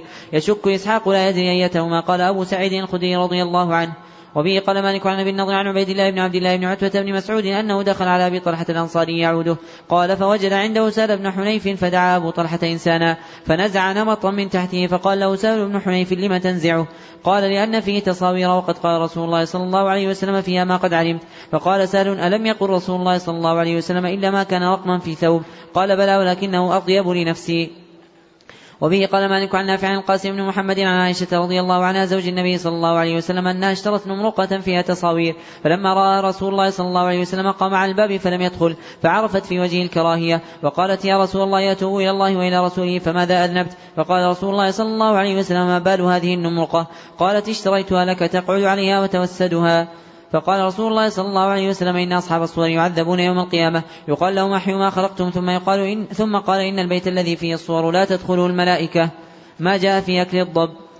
وبه قال مالك عن عبد الرحمن بن عبد الله بن عبد الرحمن بن عبد الله بن عبد الرحمن بن أبي صعصعة عن سليمان بن يسار أنه قال دخل رسول الله صلى الله عليه وسلم بيت ميمونة بنت الحارث رضي الله عنها. فإذا فيها ضباب فيها بيض. ومعه عبد الله بن عباس رضي الله عنهما وخالد بن الوليد رضي الله عنه. فقال من أين لكم هذا؟ فقالت أهدته لي أختي هزيلة بنت الحارث. فقال لعبد الله بن عباس وخالد بن الوليد رضي الله عنهما كلا. فقال ولا تأكلوا يا رسول الله. فقال إني تحضرني من الله حاضرة. فقالت ميمونة رضي الله عنه ونسقيك يا رسول الله من لبن عندنا. فقال نعم. فلما شرب قال من أين لكم هذا؟ فقالت أهدته لي أختي هزيلة. فقال رسول الله صلى الله عليه وسلم رأيت قال فقال رسول الله صلى الله عليه وسلم رأيتك جاريتك التي كنت استأمرتيني التي كنت استأمرتني في في عتقها أعطيه أخت أعطيها أختك وصلي بها رحمك وصلي بها رحمك ترعى عليها فإنه خير لك. وبه قال مالك عن ابن شهاب عن أبي أمامة بن سالم بن حنيف عن عبد الله بن عباس رضي الله عنهما عن خالد بن الوليد بن المغيرة رضي الله عنه أنه دخل مع رسول الله صلى الله عليه وسلم بيت ميمونة رضي الله عنها زوج النبي صلى الله عليه وسلم فأتي بضب محنود فأهوى إليه رسول الله صلى الله عليه وسلم بيده. فقال بعض النسوة التي في بيت ميمونة رضي الله عنه أخبروا رسول الله صلى الله عليه وسلم بما يريد أن يأكل منه فقيل هو ضب يا رسول الله فرفع يده. فقلت أحرام هو يا رسول الله؟ فقال لا ولكنه لم يكن بأرض قومي فأجدني أعاف فاشترته فأكلته ورسول الله صلى الله عليه وسلم ينظر. وبه قال مالك عن عبد الله بن دينار عن عبد الله بن عمر رضي الله عنهما أن رجلا نادى رسول الله صلى الله عليه وسلم ما ترى في الضب؟ فقال رسول الله صلى الله عليه وسلم لست بآكله ولا, ولا بمحرمه. ما جاء في أمر الكلاب. وبه قال مالك عن يزيد بن خصيفة أن السائب بن يزيد أخبره أنه سمع سفيان بن أبي زهير رضي الله عنه وهو رجل من شنوءة من أصحاب رسول الله صلى الله عليه وسلم ويحدث ناسا معه عند باب المسجد. قال سمعت رسول الله صلى الله عليه وسلم يقول من اقتنى كلبا لا يغني عنه زرعا ولا ضرعا نقص من عمله كل يوم قيراط. قال أنت سمعت هذا من رسول الله صلى الله عليه وسلم. فقال إي ورب هذا المسجد. وبه قال مالك عن نافع عن عبد الله بن عمر رضي الله عنهما أن رسول الله صلى الله عليه وسلم قال من اقتنى من اقتنى إلا كلبا ضاريا أو كلب ماشية نقص من عمله كل يوم قيراطان. وبه قال مالك عن نافع عن عبد الله بن عمر رضي الله عنهما أن رسول الله صلى الله عليه وسلم أمر بقتل الكلاب. ما جاء في أمر الغنم. وبه قال مالك عن أبي الزناد عن الأعرج عن أبي هريرة رضي الله عنه أن رسول الله صلى الله عليه وسلم قال رأس الكفر نحو المشرق والفخر والخيلاء في أهل الخيل والإبل الفدادين أهل الوبر الفدادين أهل الوبر والسكينة في أهل الغنم. وبه قال مالك عن عبد الرحمن بن عبد الله بن عبد الرحمن بن أبي صعصعة عن أبي عن أبي سعيد الخدري رضي الله عنه أنه قال قال رسول الله صلى الله عليه وسلم يوشك أن يكون خير مال المسلم غنما يتبع بها شعب الجبال ومواقع القطر يفر بدينه من الفتن. وبه قال مالك عن نافع عن عبد الله بن عمر رضي الله عنهما أن رسول الله صلى الله عليه وسلم قال لا يحتلبن أحد ماشية أحد بغير إذنه. أيحب أحدكم أن تؤتى مشربة أيحب أحدكم أن تؤتى مشروبته فتكسر خزانته فينتقل طعامه. وإنما تخزن لهم ضروع مواشيهم أطعمة أطعماتهم. فلا يحتلبن أحد ماشية أحد إلا بإذنه. وبه قال مالك أنه بلغه أن رسول الله صلى الله عليه وسلم قال ما من نبي إلا وقد رعى غنما. قيل وأنت يا رسول الله؟ قال وأنا. ما جاء في الفأرة تقع في السمن والبدء بالأكل قبل الصلاة. وبه قال مالك عن نافع أن عبد الله بن عمر رضي الله عنهما كان يقرب إليه عشاؤه فيسمع قراءة الإمام وهو في بيته فلا يعجل عن طعامه حتى يقضي حاجته منه. وبه قال مالك عن ابن شهاب عن عبيد الله بن عبد الله بن عتبة بن مسعود عن عبد الله بن عباس رضي الله عنهما عن ميمونة رضي الله عنها زوج النبي صلى الله عليه وسلم أن رسول الله صلى الله عليه وسلم سئل عن عن الفأرة تقع في السمن فقال انزعوها وما حولها فاطرحوه ما يتقى من الشؤم. وبه قال مالك عن أبي حازم بن دينار عن سالم بن سعد الساعدي أن رسول الله صلى الله عليه وسلم قال إن كان ففي الفرس والمرأة والمسكن يعني الشؤم. وبه قال مالك عن ابن شهاب عن حمزة وسالم ابن عبد الله بن عمر رضي الله عنهما. عن عبد الله بن عمر رضي الله عنهما أن رسول الله صلى الله عليه وسلم قال الشؤم في الدار والمرأة والفرس. وبه قال مالك عن يحيى بن سعيد أنه قال جاءت امرأة إلى رسول الله صلى الله عليه وسلم فقالت يا رسول الله دار سكناها والعدد كثير والمال وافر فقل العدد وذهب المال. فقال رسول الله صلى الله عليه وسلم دعوها ذميمة ما يكره من الأسماء. وبه قال مالك عن يحيى بن سعيد أن رسول الله صلى الله عليه وسلم قال لقحة من يحلب هذه؟ فقام رجل فقال له يا رسول الله ما اسمك؟ فقال له الرجل فقال فقام رجل فقال له رسول الله صلى الله عليه وسلم ما اسمك؟ فقال له الرجل مرة فقال له رسول الله صلى الله عليه وسلم اجلس. ثم قال من يحلب هذه؟ فقام رجل فقال له رسول الله صلى الله عليه وسلم ما اسمك؟ فقال حرب فقال له رسول الله صلى الله عليه وسلم اجلس. ثم قال من يحلب هذه؟ فقام رجل فقال له رسول الله صلى الله عليه وسلم اسمك. فقال يعيش فقال له رسول الله صلى الله عليه وسلم احلب. وبه قال مالك عن حمد سعيد أن عمر بن الخطاب رضي الله عنه قال لرجل ما اسمك؟ فقال جمرة فقال ابن من؟ قال ابن شهاب. قال ممن قال من الحرقة. قال أين مسكنك؟ قال بحرة النار. قال بأيها؟ قال بذات لظى فقال عمر قال عمر رضي الله عنه أدرك أهلك فقد احترقوا. قال فكان كما قال عمر بن الخطاب رضي الله عنه ما جاء في الحجامة وإجارة الحجام. وبه قال مالك عن حميد الطويل عن أنس بن مالك رضي الله عنه أنه قال احتجم رسول الله صلى الله عليه وسلم حجمه أبو طيبة فأمر له رسول الله صلى الله عليه وسلم بصاع من تمر وأمر أهله أن يخففوا عنه من خراجه. وبه قال مالك أنه بلغه أن رسول الله صلى الله عليه وسلم قال إن كان دواء يبلغ الداء فإن الحجامة تبلغه. وبه قال مالك عن ابن شهاب عن, ابن محيصة الأنصاري أحد بني حارثة أنه استأذن رسول الله صلى الله عليه وسلم في إجارة الحجام فنهاه عنها فلم يزل يسأله ويستأذنه حتى قال أعلفه الضاحك يعني رقيقك. ما جاء في المشرق. وبه قال مالك عبد الله بن دينار عن عبد الله بن عمر رضي الله عنهما أنه قال رأيت رسول الله صلى الله عليه وسلم يشير المشرق ويقول ها إن الفتنة ها هنا. إن الفتنة من حيث يطلع قرن الشيطان. وبه قال مالك أنه بلغه أن عمر بن الخطاب رضي الله عنه أراد الخروج إلى العراق فقال له كعب الأحبار لا تخرج إليها يا أمير المؤمنين فإن بها تسعة عشر السحر وبها فسقة الجن وبها, وبها الداء العضال. ما جاء في قتل الحياة وما يقال في ذلك. وبه قال مالك عن نافع عن أبي لبابة أن رسول الله صلى الله عليه وسلم نهى عن قتل الحياة التي في البيوت. وبه قال مالك عن نافع عن سائبة مولاة لعائشة رضي الله عنها أن رسول الله صلى الله عليه وسلم نهى عن قتل الجنان التي في البيوت. إلا ذا الطفيتين, إلا ذا الطفيتين والأبتر فإنهما يخطفان البصر ويطرحان ما في بطون النساء. وبه قال مالك عن صفي مولى, مولى ابن أفلح عن أبي السائب مولى هشام بن زهرة أنه قال دخلت على أبي سعيد قال وبه قال مالك عن صيفي عن صيفي مولى بن أفلح عن أبي السائب مولى هشام بن زهرة أنه قال دخلت على أبي سعيد الخدري رضي الله عنه فوجدته يصلي فجلست أنتظره حتى قضى صلاته فسمعت تحريكا تحت سرير في تحت سرير في بيتي فإذا حية فقمت لأقتلها فأشار إلي أبو سعيد رضي الله عنه أن اجلس فلما انصرف أشار إلى بيت في الدار قال أترى هذا البيت؟ فقلت نعم. فقال إنه قد كان فيه فتى حديث حديث عهده بعرس. فخرج مع رسول الله صلى الله عليه وسلم إلى الخندق فبين هو به إذ أتاه الفتى يستأذنه فقال يا رسول الله إذن لي, إذن لي أحدث بأهلي إذن لي أحدث بأهلي عهدا. فأذن له رسول الله صلى الله عليه وسلم وقال خذ عليك سلاحك فإني أخشى عليك بني قريظة. فانطلق الفتى إلى أهله فوجد امرأته قائمة بين البابين. فأهوى إليها بالرمح ليطعنها وأدركته غيره. فقالت لا تعجل حتى تدخل وتنظر ما في بيتك. فدخل فإذا هو بحية منطوية على فراشه. فركز فيها رمحه ثم خرج بها فنصبه في الدار. فاضطربت الحية في رأس الرمح وخر الفتى ميتا. فما يدرى أيهما كان أسرع موتا الفتى أم الحية فذكرنا ذلك لرسول الله صلى الله عليه وسلم فقال إن بالمدينة جنا قد أسلموا فإذا رأيتم منهم شيئا فاذنوا ثلاثة أيام فإن بدا لكم بعد ذلك فاقتلوا فإنما هو شيطان ما يؤمر به من الكلام في السفر وبه قال مالك أنه بلغه أن رسول الله صلى الله عليه وسلم كان إذا وضع رجله في الغزو وهو يريد السفر يقول بسم الله اللهم أنت الصاحب في السفر والخليفة في الله اللهم ازوي لنا الأرض وهون علينا السفر اللهم إني أعوذ بك من وعثاء السفر ومن كآبة المنقلب ومن سوء المنظر في المال والأهل. وبه قال مالك عن ثقة عنده عن يعقوب بن عبد الله بن الأشج عن مسلم بن سعيد عن سعد بن أبي وقاص رضي الله عنه وخولة بنت حكيم رضي الله عنها أن رسول الله صلى الله عليه وسلم قال من نزل, من نزل منزلا فليقل أعوذ بكلمات الله التامات من شر ما خلق فإنه لن يضره شيء حتى يرتحل. ما جاء في الوحدة في السفر للرجال والنساء. وبه قال مالك عن عبد الرحمن بن حرملة عن عن عمرو بن شعيب عن أبيه عن جده أن رسول الله صلى الله عليه وسلم قال الراكب شيطان والراكبان شيطانان والثلاثة ركب.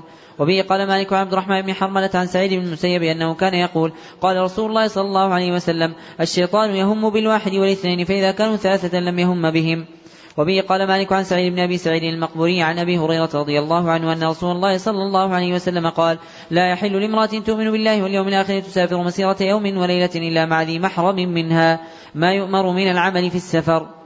وبه قال مالك عن أبي عبيد مولى سليمان بن عبد الملك عن خالد بن معدان يرفعه قال إن الله تبارك وتعالى رفيق يحب الرفق ويرضى به ويعين عليه ما لا يعين على العنف. فإذا ركبتم هذه الدواب العجم فأنزلوها منازلها. فإن كانت الأرض جدبة فانجوا عنها بنقيها. وعليكم بسير الليل فإن الأرض تطوى بالليل ما لا تطوى بالنهار. وإياكم التعريس على الطريق فإنها طرق الدواب ومأوى الحيات.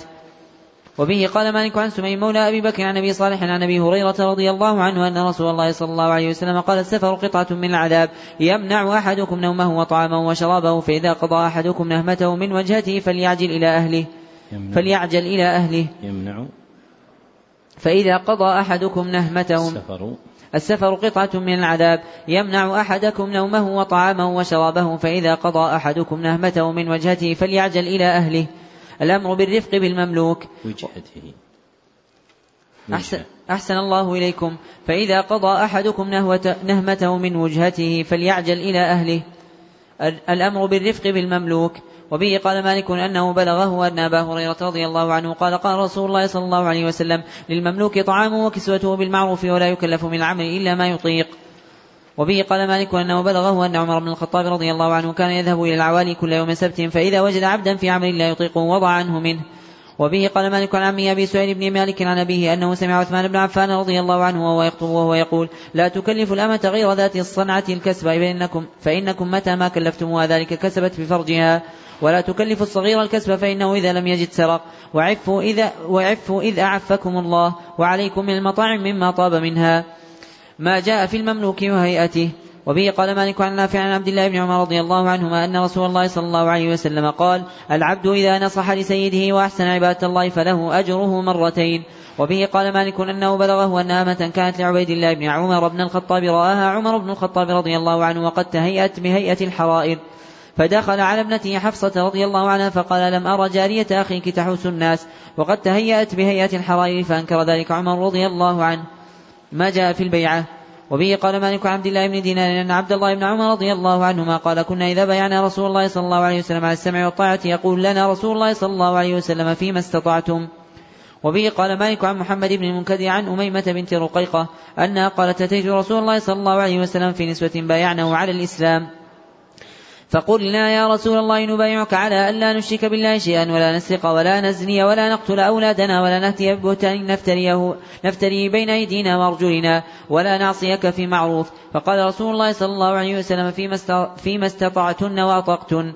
قالت فقلنا, فقلنا الله ورسوله أرحم بنا من أنفسنا. هلم نبايعك يا رسول الله؟ فقال رسول الله صلى الله عليه وسلم إني لا أصافح النساء. إنما قولي لمائة امرأة كقولي لامرأة واحدة أو مثل قولي لامرأة واحدة. وبه قال مالك عن عبد الله بن دينار أن عبد الله بن عمر رضي الله عنهما كتب إلى عبد الملك بن مروان يبايعه. فكتب إليه بسم الله الرحمن الرحيم. أما بعد لعبد الله عبد الملك أمير المؤمنين سلام عليك. فإني أحمد إليك الله الذي لا إله إلا هو وأقر لك بالسمع والطاعة على سنة الله وسنة رسوله فيما استطعت. ما يكره من الكلام. وبه قال مالك عن عبد الله بن دينار عن عبد الله بن عمر رضي الله عنهما أن رسول الله صلى الله عليه وسلم قال من قال لأخيه كافر فقد باء بها أحدهما. وبه قال مالك عن سهيل بن أبي صالح عن النبي عن أبي هريرة رضي الله عنه أن رسول الله صلى الله عليه وسلم قال إذا سمعت الرجل يقول هلك الناس فهو أهلكهم. وبه قال مالك عن أبي الزناد عن الأعرج عن أبي هريرة رضي الله عنه أن رسول الله صلى الله عليه وسلم قال لا يقولن أحدكم يا خيبة الدار فإن الله هو الدهر. وبه قال مالك عن بن سعيد أن عيسى بن مريم لقي خنزيرا على الطريق فقال له انفذ بسلام فقيل له تقول هذا لخنزير؟ فقال عيسى بن مريم إني أخاف أن أعود لساني المنطق, المنطق بالسوء ما يؤمر به من التحفظ بالكلام. وبه قال مالك عن محمد بن عمرو بن علقمة عن أبيه عن, عن بلال بن الحارث المزني أن رسول الله صلى الله عليه وسلم قال إن الرجل يتكلم بالكلمة إن الرجل يتكلم بالكلمة من رضوان الله ما كان يظن أن تبلغ ما بلغت يكتب الله له بها رضوانه إلى يوم يلقاه. وإن الرجل يتكلم بالكلمة من سخط الله ما كان يظن أن يبلغ ما كان يظن أن يبلغ ما بلغت يكتب الله له, له, له بها سخطه إلى يوم يلقاه. وبه قال مالك عن عبد الله بن دينار عن أبي صالح السماني أنه أخبره أن أبا هريرة رضي الله عنه قال إن الرجل يتكلم بالكلمة ما يلقي لها بالا يهوي بها في نار جهنم وإن الرجل يتكلم بالكلمة ما يلقي لها بالا يرفعه الله بها في الجنة. ما يكره من الكلام بغير ذكر الله. وبه قال مالك عن زيد بن أسلم أنه قال قدم رجلان من المشرق فخطبا. فعجب الناس لبيانهما فقال رسول الله صلى الله عليه وسلم إن من البيان لسحرا أو إن بعض البيان لسحر. وبه قال مالك أنه بلغه أن عيسى بن مريم كان يقول لا تكثروا الكلام بغير ذكر الله فتقسو قلوبكم فإن القلب القاسي بعيد من الله ولكن لا تعلمون ولا تنظروا في ذنوب الناس كأنكم أرباب وانظروا في ذنوبكم كأنكم عبيد فإنما الناس مبتلى ومعافى فارحموا أهل البلاء واحمدوا الله على العافية وبه قال مالك أنه بلغه أن عائشة رضي الله عنها زوج النبي صلى الله عليه وسلم كانت ترسل إلى بعض أهلها بعد العتمة فتقول ألا تريحون الكتاب ما جاء في الغيبة وبه قال مالك عن الوليد بن عبد الله بن صياد أن المطلب بن عبد الله بن حويط بن المخزومي أخبره أن رجلا سأل رسول الله صلى الله عليه وسلم الغيبة. فقال رسول الله صلى الله عليه وسلم أن تذكر من المرء ما يكره أن يسمع.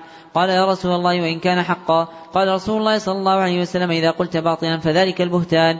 ما جاء فيما يخاف من اللسان. وبه قال مالك عن زيد بن أسلم عن عطاء بن يسار أن رسول الله صلى الله عليه وسلم قال من وقاه الله شر اثنتين ولج الجنة.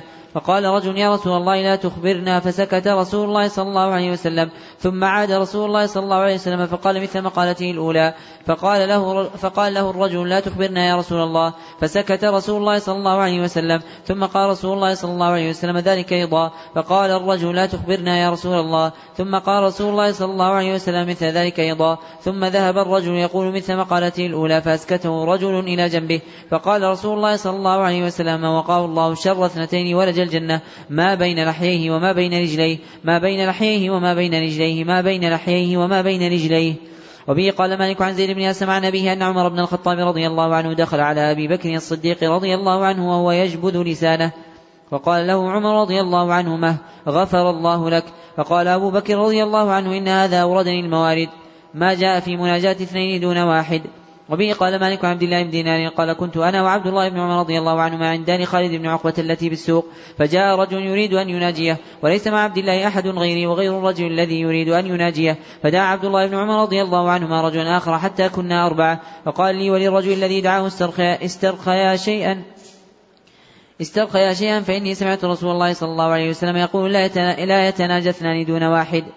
وبه قال مالك عن نافع عن عبد الله بن عمر رضي الله عنهما أن رسول الله صلى الله عليه وسلم قال إذا كانوا ثلاثة فلا يتناجى اثنان دون واحد. استرخيا شيئا.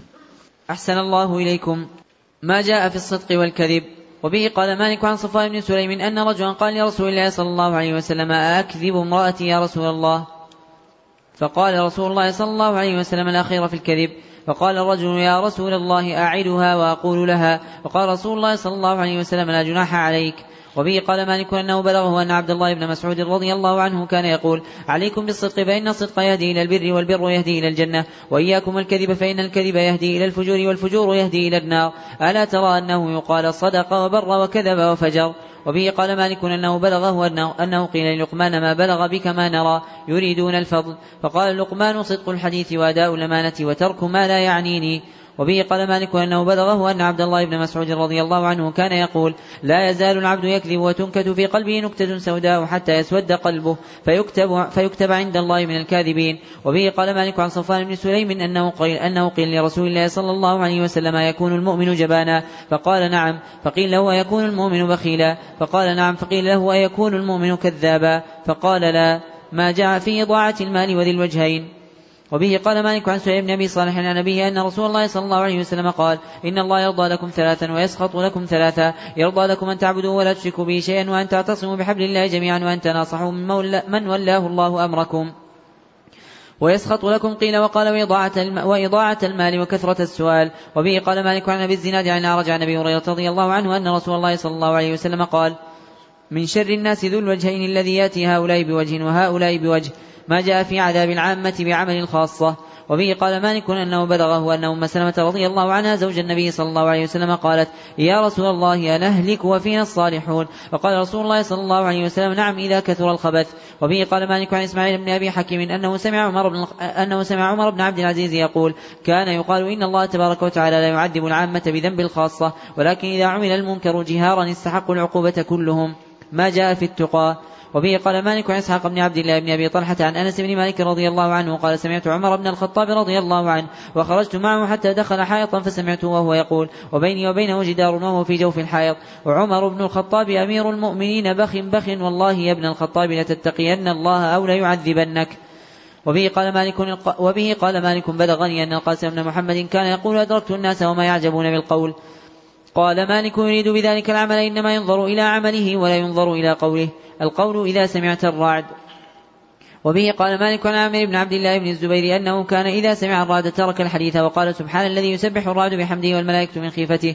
ثم يقول إن هذا لوعيد لأهل الأرض شديد. ما جاء في تركة النبي صلى الله عليه وسلم. وبه قال مالك عن ابن شهاب عن عروة بن الزبير عن عائشة رضي الله عنها أم المؤمنين أن أزواج النبي صلى الله عليه وسلم حين توفي رسول الله صلى الله عليه وسلم أردنا أن يبعثن عثمان بن عفان إلى أبي بكر الصديق رضي الله عنه فيسألنه ميراثهن من رسول الله صلى الله عليه وسلم فقالت عائشة رضي الله عنها أليس قد قال رسول الله صلى الله عليه وسلم لا نورث؟ ما تركنا فهو صدقة. وبه قال مالك عن أبي الزناد عن الاعرج عن أبي هريرة رضي الله عنه أن رسول الله صلى الله عليه وسلم قال لا يقسم ورثتي دنانير. ما تركت بعد نفقة نسائي ومؤونة عاملي فهو صدقة. ما جاء في صفة جهنم. وبه قال مالك عن أبي الزناد عن الأعرج عن أبي هريرة رضي الله عنه أن رسول الله صلى الله عليه وسلم قال نار بني آدم التي يوقدون جزء من سبعين جزءا من نار جهنم. فقالوا يا رسول الله إن كانت لكافية. قال إنها فضلت عليها بتسعة وستين جزءا. وبه قال مالك عن عمه أبي سهيل بن مالك عن أبيه عن أبي هريرة رضي الله عنه أنه قال أترونها حمراء كنانكم هذه لهي أسود من لهي أسود من القار والقار الزفت. الترغيب في الصدقة. وبه قال مالك عن يحيى بن سعيد عن أبي الحباب سعيد بن يسار أن رسول الله صلى الله عليه وسلم قال: من تصدق بصدقة من كسب طيب ولا يقبل الله إلا طيبا كأن كأن إنما يضعها في كف الرحمن. يربيها كما يربي أحدكم فلوه أو فصيله حتى يكون مثل الجبل. وبه قال مالك عن إسحاق بن عبد الله بن أبي طلحة أنه سمع أنس بن مالك رضي الله عنه يقول كان أبو طلحة أكثر أنصارهم بالمدينة مالا من نخل وكان أحب أمواله إليه برحى وكانت مستقبلة المسجد وكان رسول الله صلى الله عليه وسلم يدخلها ويشرب من ماء فيها طيب. قال أنس رضي الله عنه فلما أنزلت هذه الآية لن تنالوا البر حتى تنفقوا مما تحبون.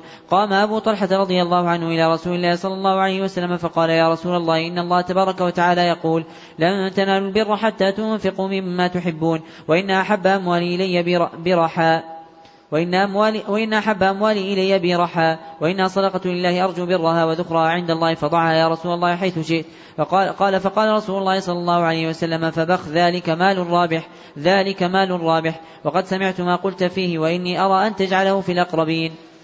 فقال أبو طلحة رضي الله عنه أفعل يا رسول الله. فقسمها أبو طلحة في أقاربه وبني عمه. وبه قال مالك عن زيد بن أسلم أن رسول الله صلى الله عليه وسلم قال أعطوا السائل وإن جاء على فرس. وبه قال مالك عن زيد بن أسلم عن عمرو بن معاذ الأشهلي الأنصاري عن جدته أنها قالت قال رسول الله صلى الله عليه وسلم يا نساء المؤمنات لا تحقرن إحداكن لجارتها ولو كراع شاة محرق. وبه قال مالك أنه بلغه عن عائشة رضي الله عنها زوج النبي صلى الله عليه وسلم أن مسكينا سألها وهي صائمة وليس في بيتها إلا رغيف فقالت لمولاة لها أعطيها إياه فقالت ليس لك ما تفطرين عليه فقالت أعطيها إياه.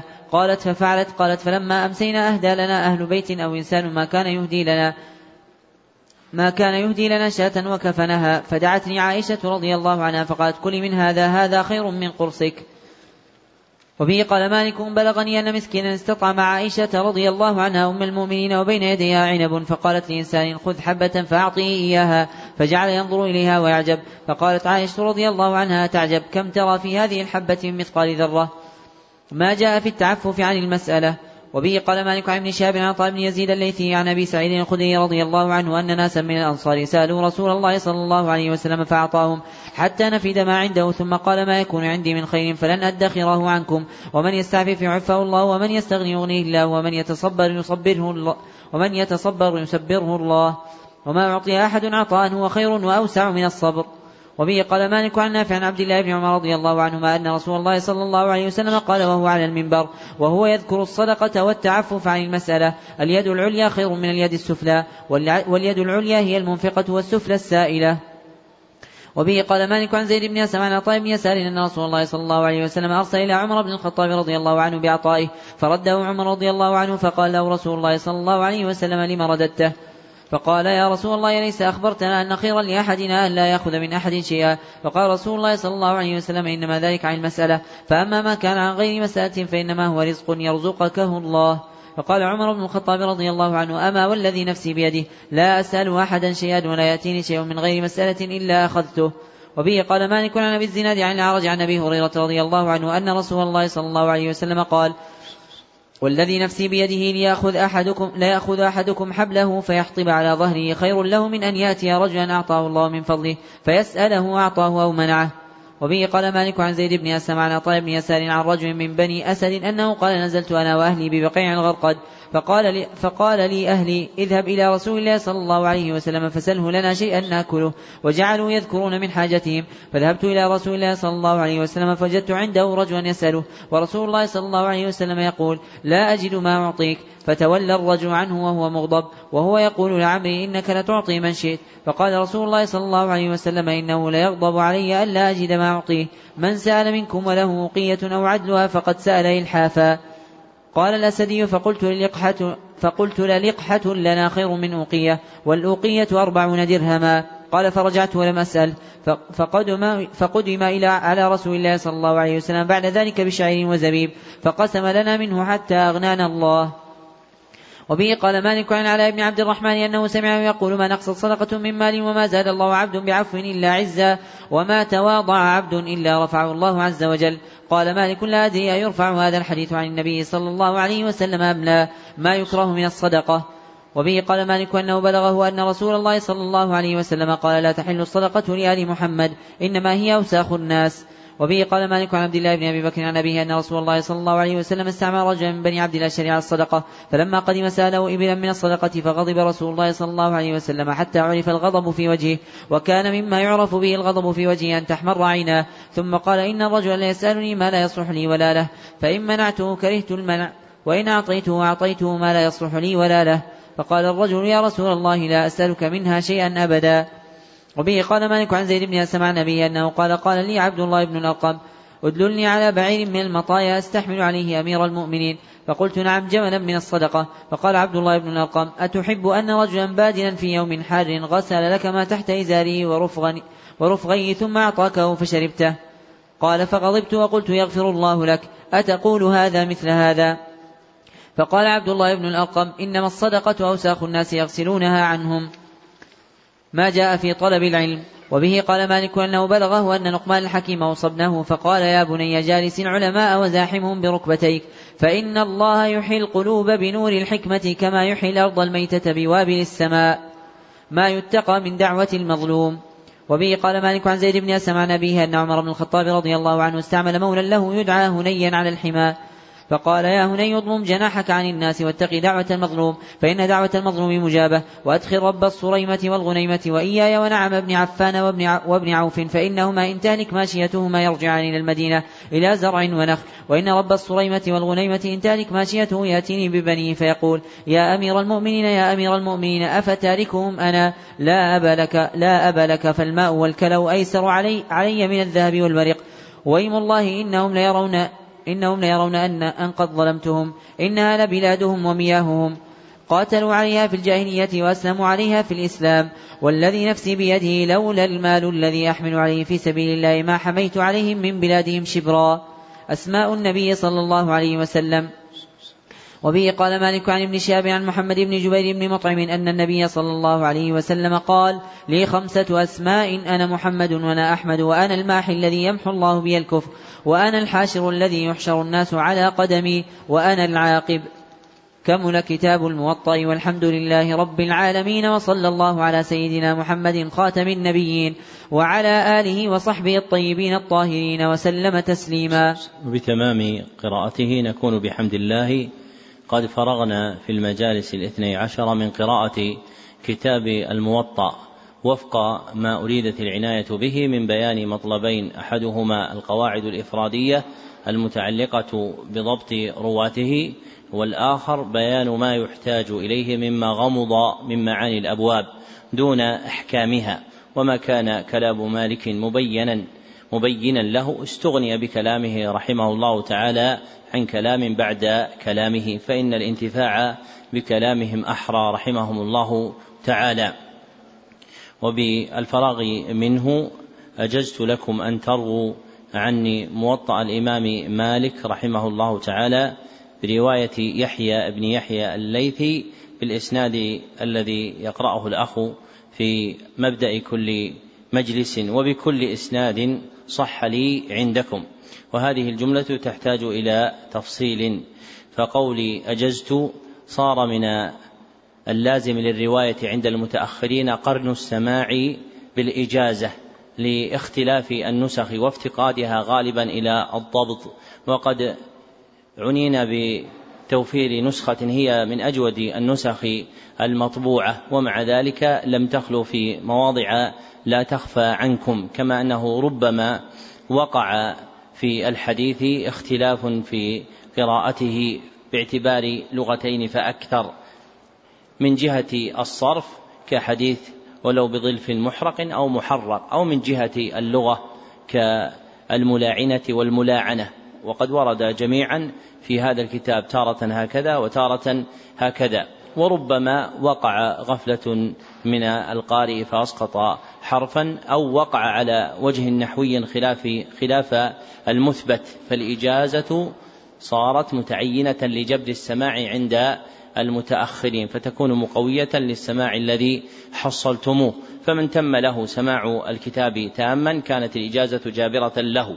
ومن لم يحصل سماع الكتاب تاما صار يروي ما سمع منه سماعا وما بقي منه فإنه يرويه إجازة. ثم قولي بعد لكم أعني كل من حضر هذه المجالس فسمع شيئا مما قرأناه في موطأ الإمام مالك.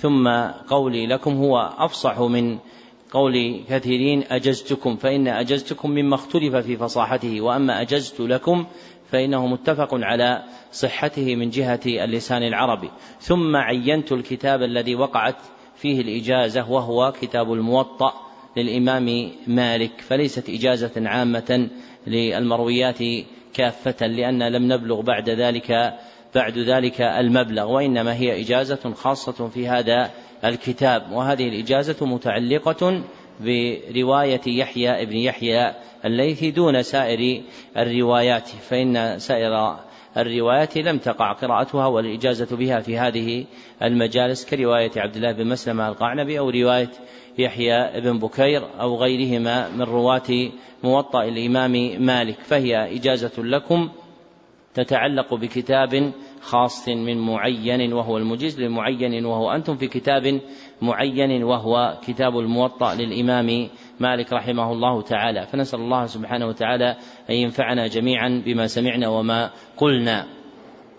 وخاتمة المقال بقي إن شاء الله تعالى جملة من القول النافع المتعلقة بالموطأ وجماعها ستة كتب أحدها كتاب كشف المغطى في فضل الموطأ لابن عساكر وثانيها جزء إبانة الأحاديث المنقطعة في الموطأ لابن الصلاح وثالثها مقدمة موطأ الإمام مالك لمحمد بن علي السنوسي ورابعها ختم الموطأ لعبد الله بن سالم البصري وخامسها ختم الموطأ لعبد الحميد بن باديس وسادسها دليل السالك إلى موطأ الإمام مالك. وهذه الكتب الستة منها أربعة قد جمعت في ضميمة مصورة ومنها اثنان قد طبع مضمومين إلى بعضهما. وهذه الكتب جميعا وهي في وعاءين. أحدهما مذكرة فيها أربعة كتب والآخر في كتاب مطبوع فيه كتابان. كلاهما